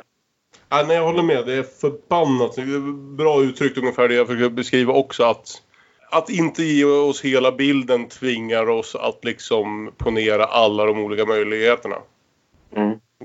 Eh, bland det snyggare han har gjort tycker jag på de här sen, i de här senare filmerna. Just hur att, att eh, våga ge sig in på ett sånt ämne eller använda ett sånt grepp och sen också hitta exakt rätt ton att göra det i. Eh, så nej. Hur det än är så kan vi slå fast att Anna ville nog inte att de skulle bo i en sjöstuga avskilda från omvärlden, Henrik Nej. och Karin. Det är nog värsta situationen för dem två. Jo. Och, och Karin fäller den inte helt välskrivna eller agerade repliken. Min och Henriks framtid är tills vidare ohjälpligt ihoptrasslade. Jag hör att du säger tills vidare. Det är ju alltså det här med att jobba i det här, vad ska vi säga, hälften teater, hälften film som Bergman gör nu. Att vissa repliker blir ju, kan vara ibland liksom poetiskt fina men är så ohjälpligt långt borta från vad någon någonsin faktiskt skulle säga. Och det, det finns ju, om vi säger de andra tre eh, skådisarna med talade repliker. är Både, de är ju dels mycket skickligare på det här och vana vid det. Men det är också så att vi som publik har lite lättare att tänka oss en vad en 86-årig gubbe uttrycka sig lite teatraliskt när vi ser dem i en Bergman-film. Än någon som ska spela en 19-åring. Att det blir, det, det, det blir inte bara så att det är svårare för för Julie att framföra replikerna. Det är mycket svårare för oss att acceptera att det här är hennes språk. Liksom, att barnet har de här orden. Så i alla fall Jag, jag, jag tror du har helt rätt i det. Liksom, här Ingmar Bergman, 82 år gammal eller vad han nu var, det här, 84 nästan. Eh, kan inte skriva hur 19-åringar pratar. Mm. Nej, det här är flera år efter fucking Åmål. Liksom. Så Ja. då, då, då, då blir det lite absurt. Ja. Alltså, alltså inte så att 19-åringar inte kan vara väldigt överdramatiska ibland. Återigen, fucking Åmål. Men det, repliken känns ju inte naturlig ens som det. Men ja, hur som jag, jag gillar scenen som helhet. Det här är väl nästan Julia Duvenius bästa scen också. Förutom enstaka repliker så här. Men jag tycker jag köper henne i den här scenen. Jag skulle nästan vilja veta om de filmar den här. Det här känns som en film där det skulle varit så lätt att det är så att de bara filmar den i ordning. För Mm. jag tycker hon blir bättre ju, hur film, ju längre filmen går. Mm. Att det helt enkelt är så att de kanske hittar tonläget allt eftersom. Att de helt enkelt filmade scen 1 först och scen 10 sist liksom. Det är svårt att veta från bakom filmen för den är definitivt ihopklippt. För man ser tydligt att Ingmar någon gång under inspelningen rakade huvudet. Och det hoppar vilt mellan att han har stort spretigt vilt galet genihår och sitt rakade huvud. Good Oh well. Scen 8. Saraban. Saraban. Karin kommer tillbaka till stugan fortfarande ganska uppriven och där är Henrik tillbaka från Uppsala och är väldigt glad. Mm. För nu har han fått sparken från orkestern så nu har han bara, nu kan han inte göra något annat än att ägna sig på heltid åt sin dotter. Vad kul! Och han har ju stora planer att de ska ha en konsert där. Är det i domkyrkan till och med? Mm. Där de ska spela just Saraband. Och han har talat med Anderberg och Börts i Uppsala. Och Börts gjorde ju musiken till Vakanterna. Och jag Just undrar det. om Anderberg är Thomas Anderberg som var filosof och musikkritiker här i Uppsala. Mm. Dog för sju år sedan. Karismatisk man. Spännande. Hon förklarar att hon kan, klarar inte av att spela något så avancerat än och han säger ja men det är lugnt. Du tar de bitar du kan och så fyller jag i med de svåra bitarna. Så de ska sitta mitt, mitt emot varandra och titta varandra i ansiktet och spela tillsammans och han ska bära de svåra bitarna. Och det, det jag gillar med den här scenen det är att det verkligen, när han väl har slagit fast det så spelar de sen inte en ton utan istället så pratar de på exakt det sättet. Det, är liksom det han beskriver är ju hur scenen ska utspela sig. Det tänkte jag inte på, men jävlar. Ja. Ja, för han- han inser ju det då när han känner, hur, känner av hur hon mår. Att han säger att jag har en känsla av att det var någon form av samtal framför oss. Och då liksom, de sitter mitt emot varandra med varsin cell och varsitt notställ och varsin lampa. Så det han gör då är helt enkelt att han ställer undan cellorna, han ställer undan notställen, han ställer undan lamporna och så flyttar han sig själv två, två steg framåt och så sitter de mitt emot varandra och spelar upp resten av scenen så som de hade spelat musiken. Att hon får reagera och han försöker ta de svåra bitarna. Och eh, han konstaterar att eh, hon, har, hon har läst mammas brev och han blir fullständigt manisk runt detta. Han, han tar verkligen inte det väl. Du har läst mammas brev till mig. Bli inte så arg, Henrik. Det handlar faktiskt om mig. Men brevet var till mig och du har läst det utan vidare. Du har alltså läst Annas brev till mig och det är helt sin ordning, alltså du.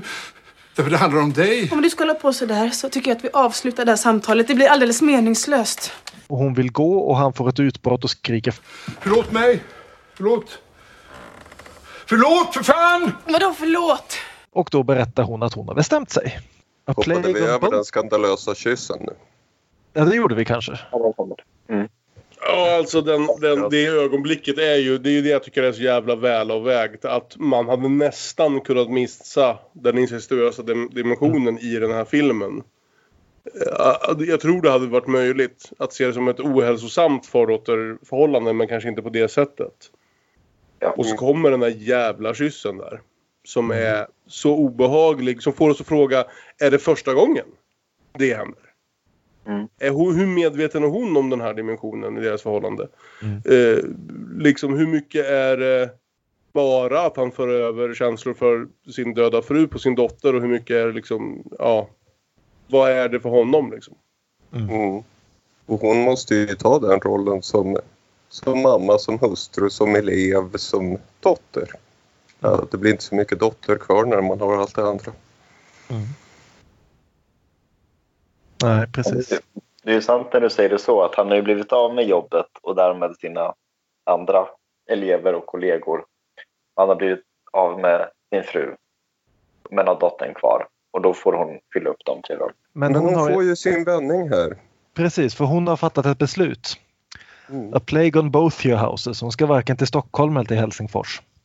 Nej, hon ska inte bli den här sto, stora musikern som de båda männen har drömt ihop att hon ska bli. Hon ska bli orkestermusiker med sin kompis Emma. Mm. I Hamburg. Mm. Där man åker för att bli sig själv. Ja, så hon ska dra till Hamburg på tre år. Och bara en sån här sak som att hon eh, inträdesprovet var att hennes kompis såg till att filma dem när de eh, gjorde någon framträdande med Brahms och skickade iväg en VHS-kassett 2003. Ja, det är precis i rätt brytpunkt för det. ja, precis. Ja. Och samtidigt är det en sån, gre- sån där grej som aldrig har hänt i en Ber- Bergman-film förut att någon har skickat iväg en VHS-kassett. För sen när han slutade göra filmer eller riktiga filmer på egen hand så har liksom det har skett 20 år av teknisk utveckling här. Det Fick också också, fick man också tänka på hur många moderna filmer som har vänt på den dramatiska vändpunkten Something goes viral. Ja, precis. Men det, det är väl också första tillfället de, de nämner någonting i filmen som inte hade kunnat utspela sig på 70-talet. Ja. Ja. För att annars så är ju nästan all scenografi, all rekvisita och vad de pratar om eh, hade kunnat vara tidlöst nästan vilken tid som helst på 1900-talet. Mm. Scenografin, ja, 70 och framåt. Men, men eh, det är en lit, liten, liten känsla av modernitet 2003, tycker jag, det där VHS-bandet. Ja, Och han så- bryter ut, hur ska du finansiera det hade du tänkt? Hon ska finansiera det med sitt arv. Det är Anna som ger henne möjligheten att åka, inte någon av gubbarna. Kvinnor kan. Ja, nej, men det, Ja, och hon har ju det är också, fint. Det är, det är en bra vändning på det tycker jag. ja, Mm. och hon har ju också en fin utläggning här om just varför hon vill bli orkestermusiker. Hon vill inte sitta på ett podium ensam och utlämnad. Hon vill leva ett enkelt liv där hon är hemma någonstans. Hon vill inte vara ett surrogat för mamma. Jo, både Henrik och Johan är ju väldiga... De går inte bra ihop med folk. Nej. Och hon har sett det. Hon har sett den manliga genikulten och hon säger “fuck that”. Mm. Vilket också är ett fint sätt att sluta en cirkel här. Och scenen slutar då med att han säger men du kan väl åtminstone spela en saraband som du kan. Och hon Femte plockar upp sarabanden. femte. Mm.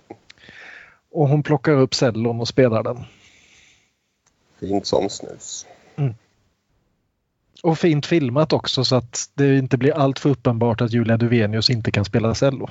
Jag satt precis och funderade på det. Hur mycket... Alltså det är helt klart att hon inte är någon slags mästerlig cellospelare men man har ju om skådespelare som går igenom all typer av träning för att i alla fall sälja skådespelet. Hur många Mm. timmar av låtsas-cello Julia Duvenius fick träna för just det här. Mm.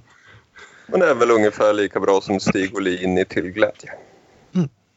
Så, scen 9. Johan och Marianne tillsammans igen för första gången på ett antal scener. Ja, på nästan en och en halv timme vilket ju är... Som vi sa. Det är inte den filmen vi ville ha riktigt det här på det sättet. Om man vill ha en uppföljare till senare äktenskap. För jag har inte sett dem tillsammans på väldigt länge. Men Bergman vet ju i alla fall att det är så här vi måste avsluta det. Och eh, Marianne lägger på telefonen. Det är sjukhuset som har ringt för Henrik har försökt begå självmord. Som vi får se i några väldigt snabba eh, klipp här. Eh, hur det såg ut när grannfrun hittade honom. Återigen, extremt jävla effektivt och sånt som jag tycker... Som, som, som du sa förut Björn, att, han, att det, det är synd att det inte är mer... Det är inte mer film i den här filmen. Mm. Jo, och också det var det väldigt perfektionistiskt hur de skulle Mm. få till. Man Och- ser i bakomfilmen Bergman provligga där på pallen och bestämma ah, jag sågar ner den 15 centimeter. Mm. Han måste ha armen över där. Jo. Jag, jag tänker ju här på den här, jag undrar, Ang, vi vet ju att Ang Lee är en stor Bergman-fan. Det jag tänker på här är ju slutscenen i uh, Brokeback Mountain. Där vi får höra hur den ena av dem har dött och den andra tänker sig hur det har gått till. Ja men jävlar, jag har inte sett Brokeback på skitlänge men du har rätt. För det, det känns väldigt mycket som den här scenen att Marianne berättar för Johan hur grannfrun hittade honom och så får vi de här blixtsnabba klippen av Johans son som ligger naken och blödande på golvet. Mm. Så jag undrar om Ang Lee tog till sig den idén för det var inte, det var inte långt. När gjorde han Brokeback Mountain? Det är runt... 2005, alltså två, Ja, tre år precis. efter det här. Ja. Ja. Ja, det är inte, inte Så måste det vara. Alla idéer kommer från Ingmar. ja. Jo- Johan är i alla fall blir väldigt uppbragt över att Henrik misslyckas konsekvent med allt han tar sig för. Han kan inte ens ta livet av sig ordentligt. Alltså det, Johans reaktion här är ju så, alltså han är ju så mycket mer upprörd än, eller, alltså, eller ledsen eller plågad än vad han någonstans låter. Så det är ju det här jävla djupt, att, att det är där han landar någonstans. För han vet att han är, han är så jävla ingrodd i det här hatet, i hur han uttrycker sina känslor. Så han låter det inte komma hela vägen upp till ytan ens över något sånt här. Utan det är där han landar. Den här ungjäveln kan inte ens liksom göra det här rätt. Mm. Vilket ju är, känns som ett skydd för något annat. Mm. Men, men ja, nej för fan. Det, Även Marianne reagerar väl också, har jag för mig, på, på ordval och tycker typ att han ska fansa sig lite. Jo, precis. Och hennes exakta ord är ibland tycker jag att du uppför dig som en kvarglömd figur i en gammal film. En riktigt Ja. dum film. Du är helt enkelt inte riktigt verklig. Ja, det är jättebra. Ja, fy fan vad bra ändå. Just det här, en dum film. Sådana som någon hade kunnat skriva i början på 50-talet eller kanske slutet på 40-talet innan han visste riktigt vad han höll på med. Johan blir i alla fall väldigt orolig för Karin för hon kommer förstås att ta på sig skulden för det här. Och de kan inte riktigt få tag på henne för hon sitter på ett tåg till Hamburg och eftersom det här utspelar sig 2003 så finns det inget sätt att ringa till en människa som sitter på ett tåg. Ja, ja. Ja, ehm, men hur som helst så eh, får han idén att anlita sin exfru. För ja, hon, är- hon är ju ändå fortfarande jurist. Du talar med henne, va? Om vi får veta var hon finns. Jag anställer dig som ett ombud. Vad kostar du?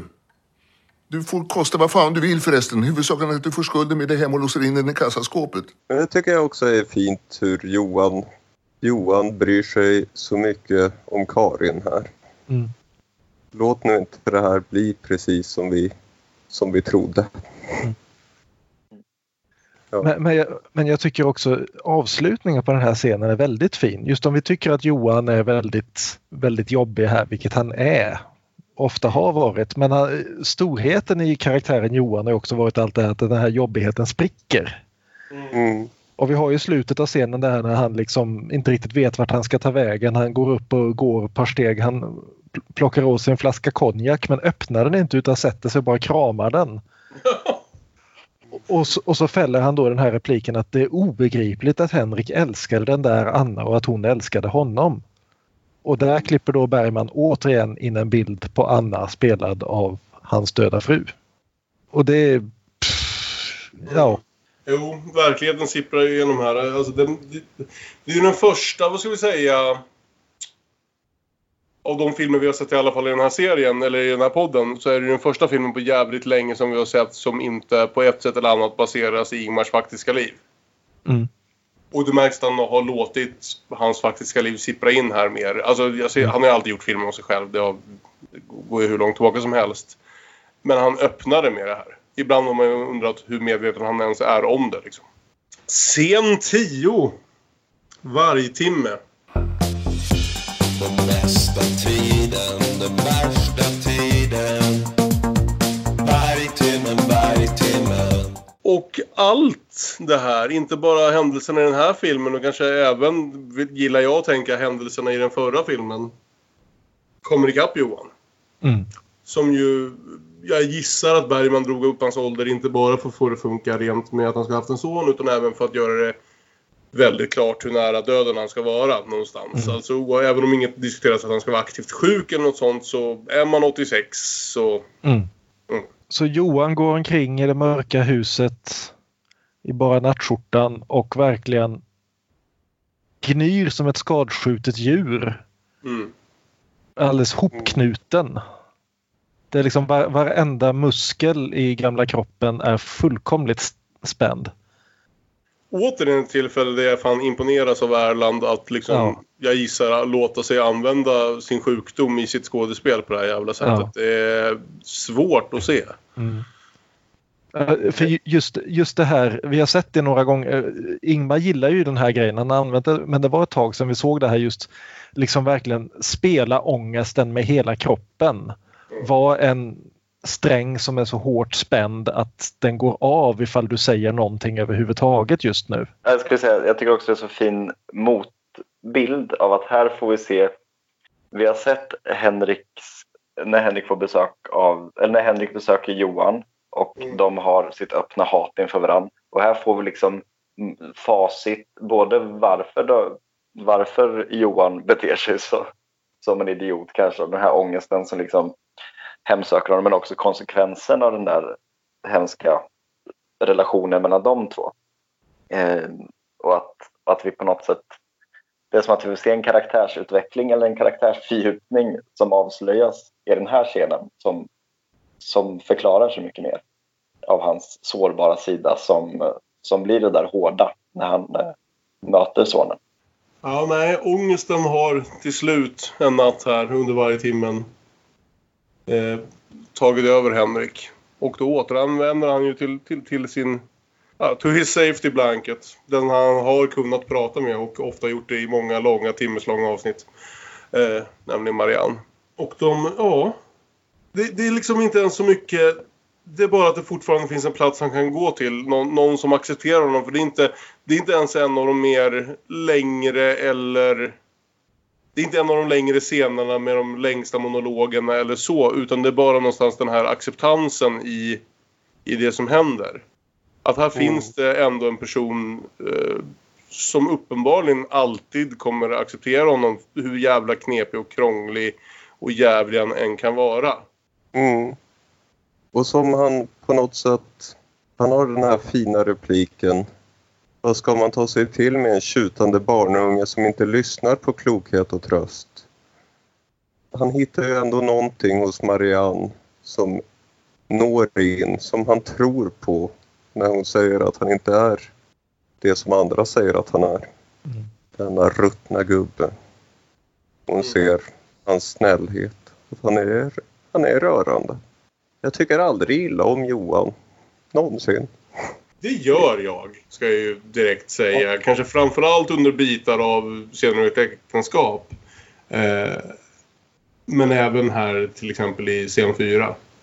Eh, men, men, men jag accepterar honom som en karaktär. Jag förstår liksom vart, vart det kommer ifrån. Jag ser helheten i det. Men visst, ibland kan jag inte komma ifrån att jag tycker han är för jävlig mot människorna runt om sig.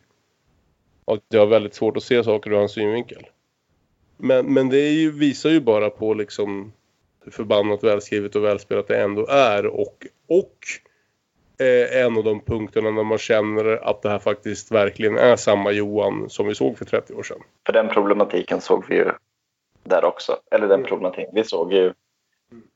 Ja, vi, vi var väl ganska o, oöverens, vad ska man säga. Ja, Vi, vi hade o, oeniga om just roll, eh, Johans roll i Senut äktenskap också, vill jag minnas.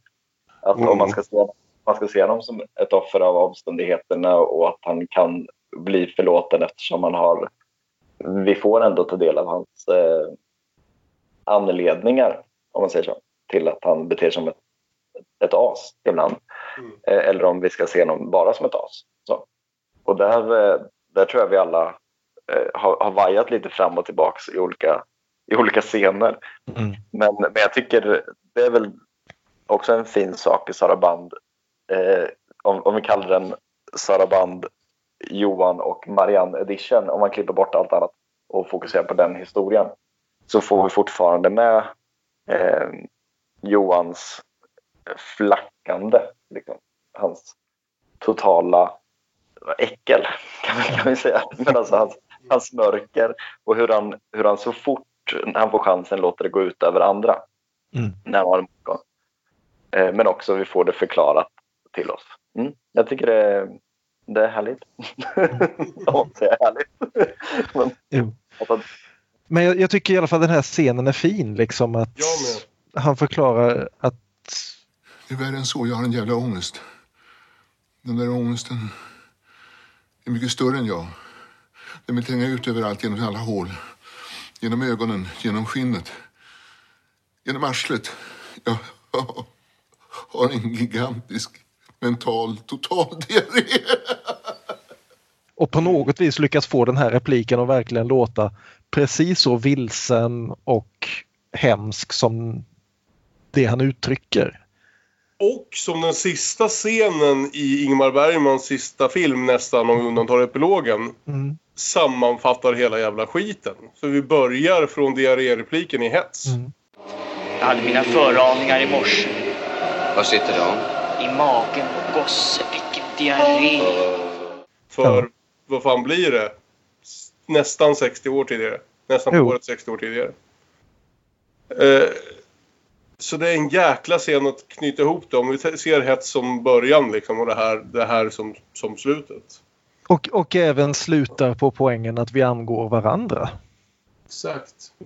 Att det som händer är ju då att eh, Marianne erbjuder honom att lägga sig bredvid henne. Mm. Han säger det går inte, jag är alldeles svettig. Jag måste ta av mig nattskjortan och så får vi nakenscen av Erland Josefsson, 80 Kanske bast. den mest rörande jävla nakenscen Ja. jag vet. Alltså nakenscen som används bäst. Det är ingen som gör det här för sex appeal. Mm. Kan vi Nej. säga. Utan... eh, En, sju, en sjuk Ja. gammal man spelad av en sjuk gammal man.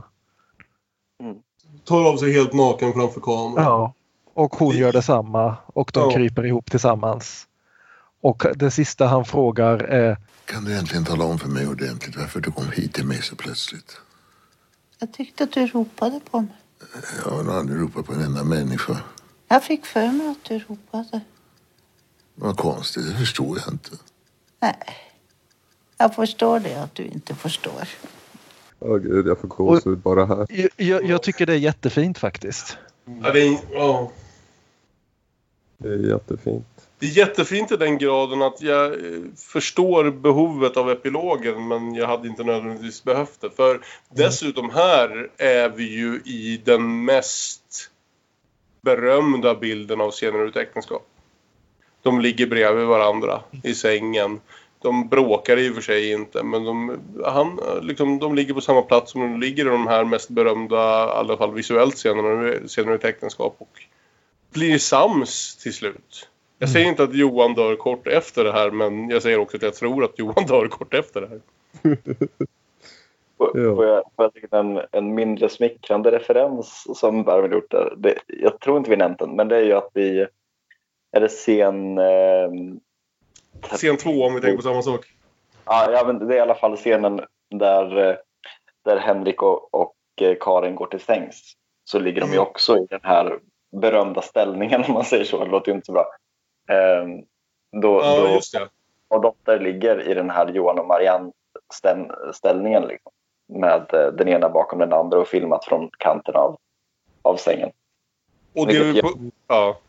Vilket gör att man liksom sätter in det här är nästan scener ur ett äktenskap mellan, alltså, mellan eh, pappa och dotter mm, i den scenen. Liksom. Och bara som den tydligaste, roligaste tillbaka-grejen som vi helt på något sätt glömde. I scen två så hänger ju en förbannad jävla kräftskivesol. Ja, just det. Ja, det var där den var ja. Vi har pysslat med Bergmans epilog i många avsnitt nu men nu är det dags för Sarabands epilog. Den sista epilogen. Epilogen på epilogen. Jo. Och vi är tillbaka där prologen var. Marianne sitter hemma med en massa foton. En omöjlig mängd foton höll jag på att säga. Inte omöjlig som att inte människor har många foton utan som att hon har vissa av de här fotona. Eh, inte minst eftersom ett av dem uppenbarligen är en bild av Johan och Marianne som ligger nakna i sängen där i scen 10. En scen där, där det omöjligt kan ha funnits en faktisk fotograf för då hade den scenen utspelat sig helt annorlunda. Du tror alltså inte att Johan är den sortens människa som håller koll på vad tekniken erbjöd 2003 och satt upp övervakningskameror i sin frus gästrum? Nej, precis. Vet du vad? Jag säger nej till den tanken. Så jag säger att ehm, Bergman säger direkt i och med det valet att prologen och epilogen inte händer. De är berättargrepp. De är inte faktiska händelser i den världen där filmen uh, utspelar sig. I den mån filmen alls utspelar sig Ja, i en verklig värld. Det är ju lite Jo, men- trolleri hela vägen. Mm. Men hon berättar i alla fall att hon stannade kvar där i, stu- i stugan till början av oktober. Det var ganska avspänt, de var goda vänner. De Mm. lovade hålla kontakten. Planerade till och med resa till Florens. Som givetvis inte blev av. Men de började Han skulle ju varit i. Basel. Bara ge oss så många referenser som möjligt här på slutet nu, Ingmar. Och de pratade i telefon varje söndag ett tag och sen så plötsligt så slutade Johan att svara i telefon. Ja, han sa han skulle skriva brev. Det kom inga brev. Hon skrev men inga svar. Så var det tystnaden. En referens. Mm. Men någonting egendomligt hände Marianne som hon känner var kopplat till det här på något sätt. För hon besökte Marta på vårdhemmet. Och Marta satt ju där katatonisk som vanligt. Men när hon tog av glasögonen så fick hon en reaktion och deras blickar möttes i någon slags samförstånd. Och säger hon, det kändes som att hon för första gången rörde vid sin dotter, sitt barn. Mm. Och kanske är det en referens till Persona. Ja, Jag- jag- intressant val av sista scen tycker jag. Ja. Det, ja. För jag vet inte om jag tycker att den scenen nödvändigtvis hör hemma i den här filmen. Samtidigt tycker jag att det är en sån enormt jävla fin scen.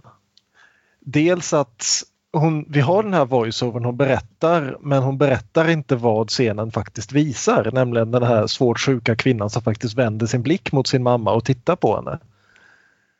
Hon säger att det hände något märkligt men hon berättar inte vad med det som är märkligt utan det får vi se själva. Eh, och det är, ja, jag tycker att bägge de här de här tre sista, två sista scenerna och epilogen, det är, jag vet inte om det är den filmen jag ville ha när jag liksom väntade mig senare ett äktenskap 2 och Electric Boogaloo. Men eh, jag tycker de här tre sista scenerna är helt fantastiska. ja, absolut. Jag har inte bölat sådär väldigt ofta genom Bergman-filmerna men det gör jag i slutet här. Mm. Och det gör Liv med, vilket är vart vi slutar. Vi, vi slutar Saraband och ja, Demon, Demonpoddens filmtittning. Med en bild på, på Liv Ullman som gråter. Mm. Och tittar direkt på oss. När de gör det. Mm. Eh, Hon vänder bort blicken det sista hon gör. det är ett jävla starkt avslut på den här något ibland trevande filmen som aldrig är ointressant men aldrig heller helt fokuserad. Kanske lite överhuvudtaget skulle kunna sammanfatta mina känslor kring allt Ingmar gjorde efter Fanny och Alexander egentligen. Eh, att när det fokuserar, när det hittar en riktig känsla så är det fortfarande precis lika jävla starkt. Eh, men det tar ibland ganska ordentliga omvägar för att komma dit. Mm. Jag kände inte av omvägarna så mycket i den här titeln. Det, det, jag tyckte jätte, jättemycket om den. Eh, Jag kan bara säga det. Jag, tror jag, jag tycker också det här, jag tycker det här nog är den starkaste filmen ändå efter Fanny och Alexander, måste jag säga. Av de vi har gjort avsnitt om. Eh, med, med det sagt så kanske det ändå är att jag har ett litet Julia Duvenius problem som hänger över mig. Och jag förstår det för jag hade det förra gången jag såg den. Den här gången, det var borta. Mm. Och det var ju väldigt trevligt för mig. Precis som den här podden har varit. Mm. Oh yeah, knöt ihop en säck till.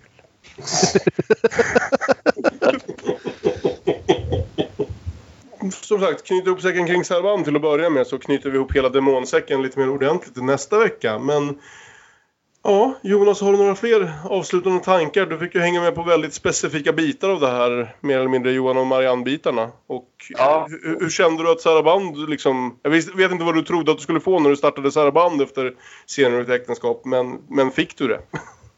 Jag, alltså, jag hade nog tänkt mig de, de scener som handlar mer om Johan och Marianne och sen scener med andra som problematiserar deras relation. Ungefär som det var i ett äktenskap. Eh, så. Eh, nu skulle jag säga att vi hade väldigt många olika teman i Saraband som jag inte var beredd på. Men det är ju kul också. Men det känns som att det handlar mycket om Ingmar och Inger i någon form av metaforisk produktion. Sådär. Ingrid. Eh, så här. Ja, Ingrid. Ja, Ingmar och Ingrid. Precis. Så det handlade mycket om, om saknaden där. Eh, och, och så övertydligt eftersom hon fysiskt var med i filmen och tillägnade till den. Men också bara den här diffusa frågan. Vad händer efter döden? Både för en egen del och för alla andra. Och, och så den här eh, incestrelationen. Så det var ju liksom tre jättestora teman som, som flög ut nästan större än, än den här huvudtråden med, med Johan och Marianne. Men eh, ja, Eh, så absolut, jag var förvånad och förvirrad när jag såg den. Eh, Just eftersom eh, jag hade så mycket Johan och Marianne i huvudet. Men, men eh, den har sin behållning ändå, absolut. Ja, men jättekul att ha haft med dig på de här också. Eh, Överhuvudtaget otroligt glad med alla spännande, roliga gäster vi har kunnat ha med genom den här serien.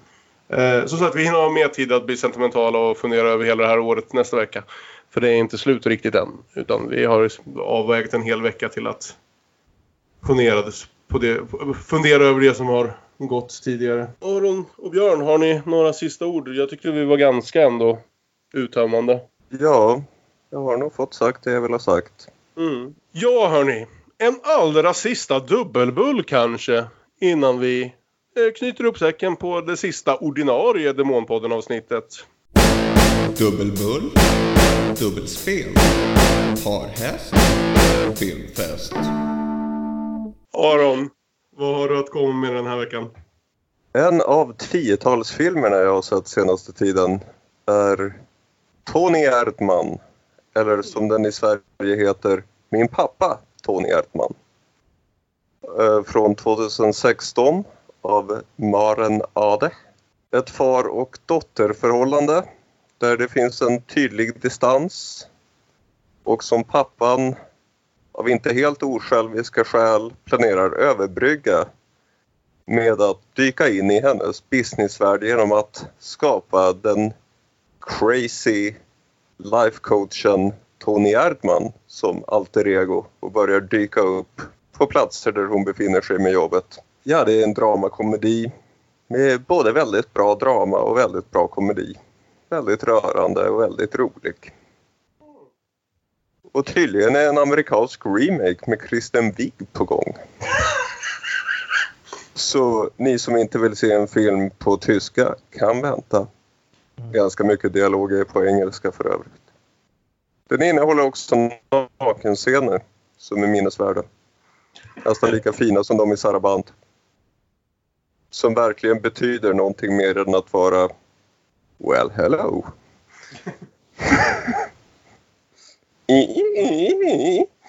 Jag har ju velat se den filmen ett bra tag alltså. Det, Mm. ja. Den är på min lista också över Mm. saker jag uppenbarligen missade de här senaste tio åren. Den är toppen. Kul att höra. Den lever upp till all hype. Ja. Bra när saker gör det. Björn! Det här är en film som jag har haft skräpandes som tänkbar dubbelbull ända sedan Smultronstället. Och det är ju då Michael Hanekes Amour. Ja, jag satt och funderade på den. För det, jag har, skälet till att jag avstått från att använda den ofta är inte, så, inte nödvändigtvis att den inte passar in. Men att det gör så jävla ont bara att tänka på den filmen. Det är en Det är film liksom- jag inte har sett på 10-talslistan så Mm. ta det coolt med spoilers, buddy. Ja. Det är precis som Ingmars eh, utbud skulle jag säga en ganska svår film att spoila. Ja, men det handlar ju helt enkelt om ett äldre franskt par som eh, musiker dessutom, för att knyta an till den här filmen. Som bor i en lägenhet tillsammans och har levt ihop hela livet och nu börjar åldern till slut ta ut sin rätt med allt vad det innebär. Och följer dem genom det här i detalj. Och eh, det är så enormt jävla välspelad film. Nej men det är ju då två riktiga gamla eh, franska superstjärnor, Emmanuel Riva och eh, Louis Trentignan, eller hur det nu ska uttalas. Som gör, eh, gör, inte sina allra sista roller, men nästan i alla fall.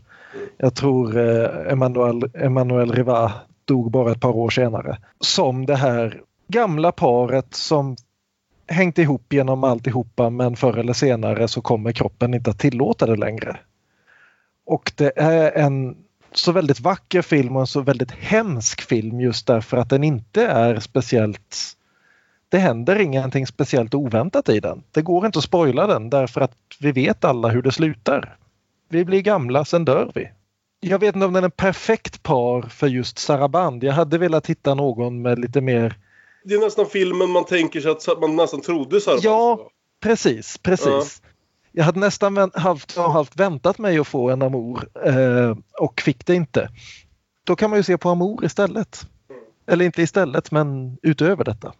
Och jag... Och, om man verkligen känner för att bestraffa sig vill säga. Ja, precis. Vilket vi alla vet att vi förtjänar. Jag var lite inne på samma bana där, men jag tänkte också att eh, om man ska börja någonstans i den här djupa, oundvikliga sorgen, det, det, det slut som väl väntar oss alla förr eller senare. Men sen ändå någonstans inte vill gå ner sig he- helt utan i alla fall peppa upp sig lite grann, grann med lite äventyr och hundar och sådär. Så tänkte jag faktiskt säga Up Pixars Up. Ja. Som i stort sett börjar med en 10 minuters recap av Amour. Eller av senare äk- äktenskap om man så vill.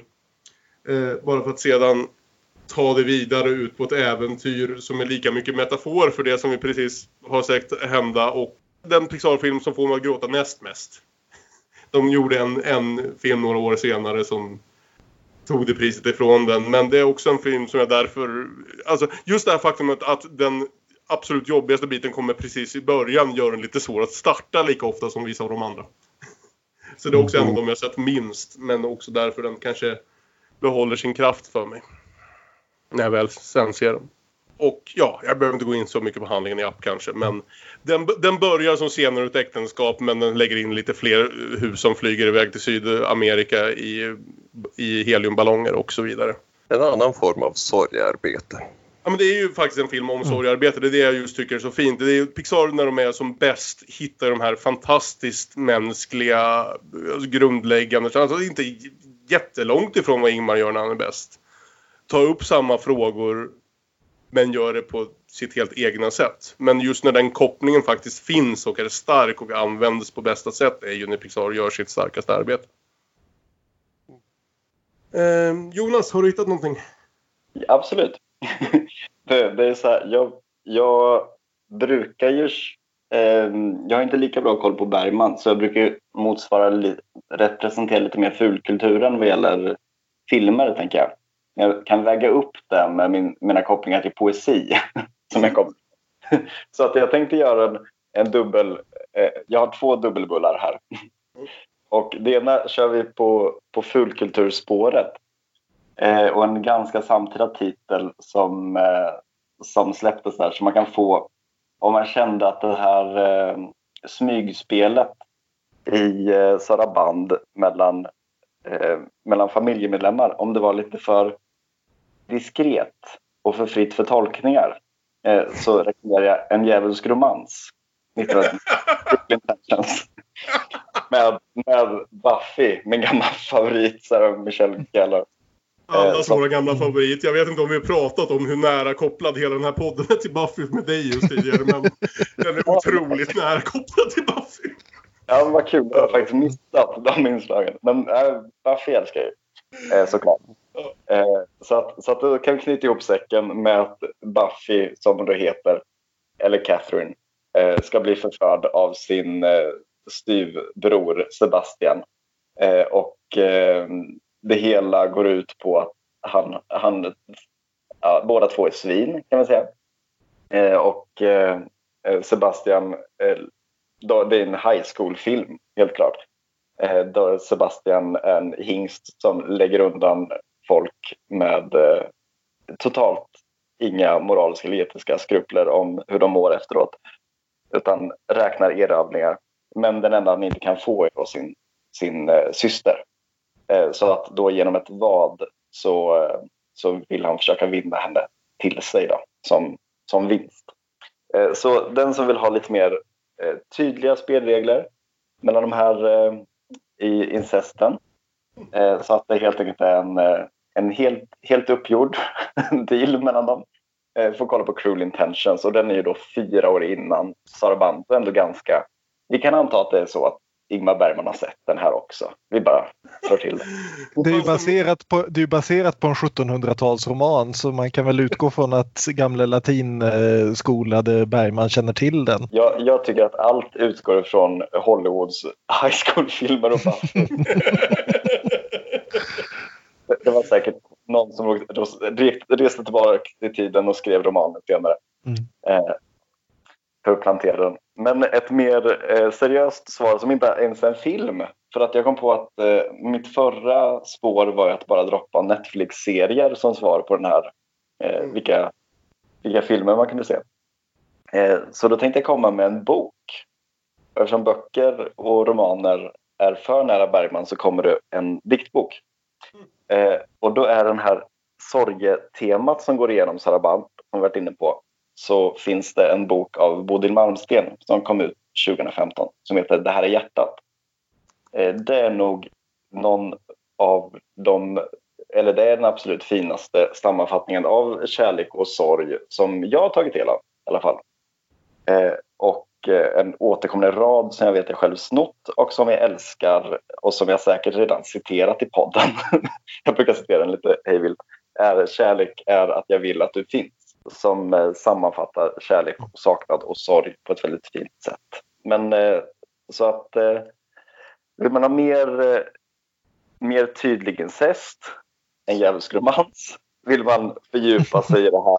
Ingmar Bergman saknar Ingrid, ingenting blir som förr, det avspeglas i hela filmen.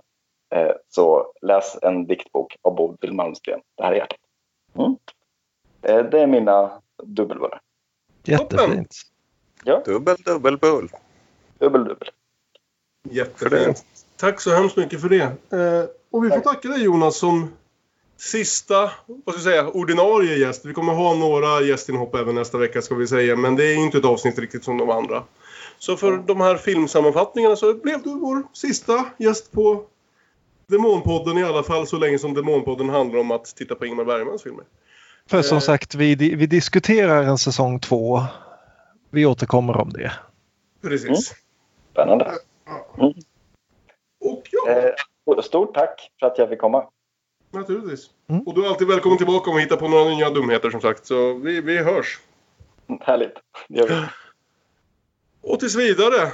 Nu är det väl ont om tid i och för sig. Men ni kan nå oss via de sociala medierna om ni vill ut, ha frågor, uttrycka uppskattning eller någonting annat. Eh, vi är att Damonpodden på Instagram och på Twitter. Vi är Demonpodden med Ä på Facebook. Man kan mejla demonpodden gmail.com. Jag antar att vi kommer att hålla den öppen ett bra tag till. Och så hoppas vi att ni kommer tillbaka in igen nästa vecka och lyssnar på vårt sista avsnitt som fokuserar på Ingmar Bergman i vart fall. När vi ska gå igenom lite vad det här året har varit för oss och vi ska, vi ska göra någon form av lista. Vi får se riktigt vad det blir men eh, vi ska diskutera lite vad som har varit bäst och vad som kanske inte har varit så bäst och lite andra sådana saker med några gamla vänner. Det kommer nog bli det lösa, mest lössläppta avsnittet som inte riktigt är fokuserat på det sätt som de här tidigare 50 har varit kring till exempel en speciell film. Men jag tror det kommer bli en kul diskussion att lyssna på. Har det skapats någon musik? Sista låten. Ja, så det blir ju någon slags avslut det också. Så det blir en lite rörig text. Högst oklart vem jag, du och vi refererar till vid de olika tillfällena. Och jag har äntligen fått Lotta att vara med i podden. Efter ett års körande så är hon med och körar lite på låten. Och jag utnyttjar också det faktum att Saraband rimmar på skepp till Indialand med mycket rörande resultat. Tack för att ni har varit med oss på den här resan och ha det så bra så länge. Hej då! Hej då! Hej då! Hej då!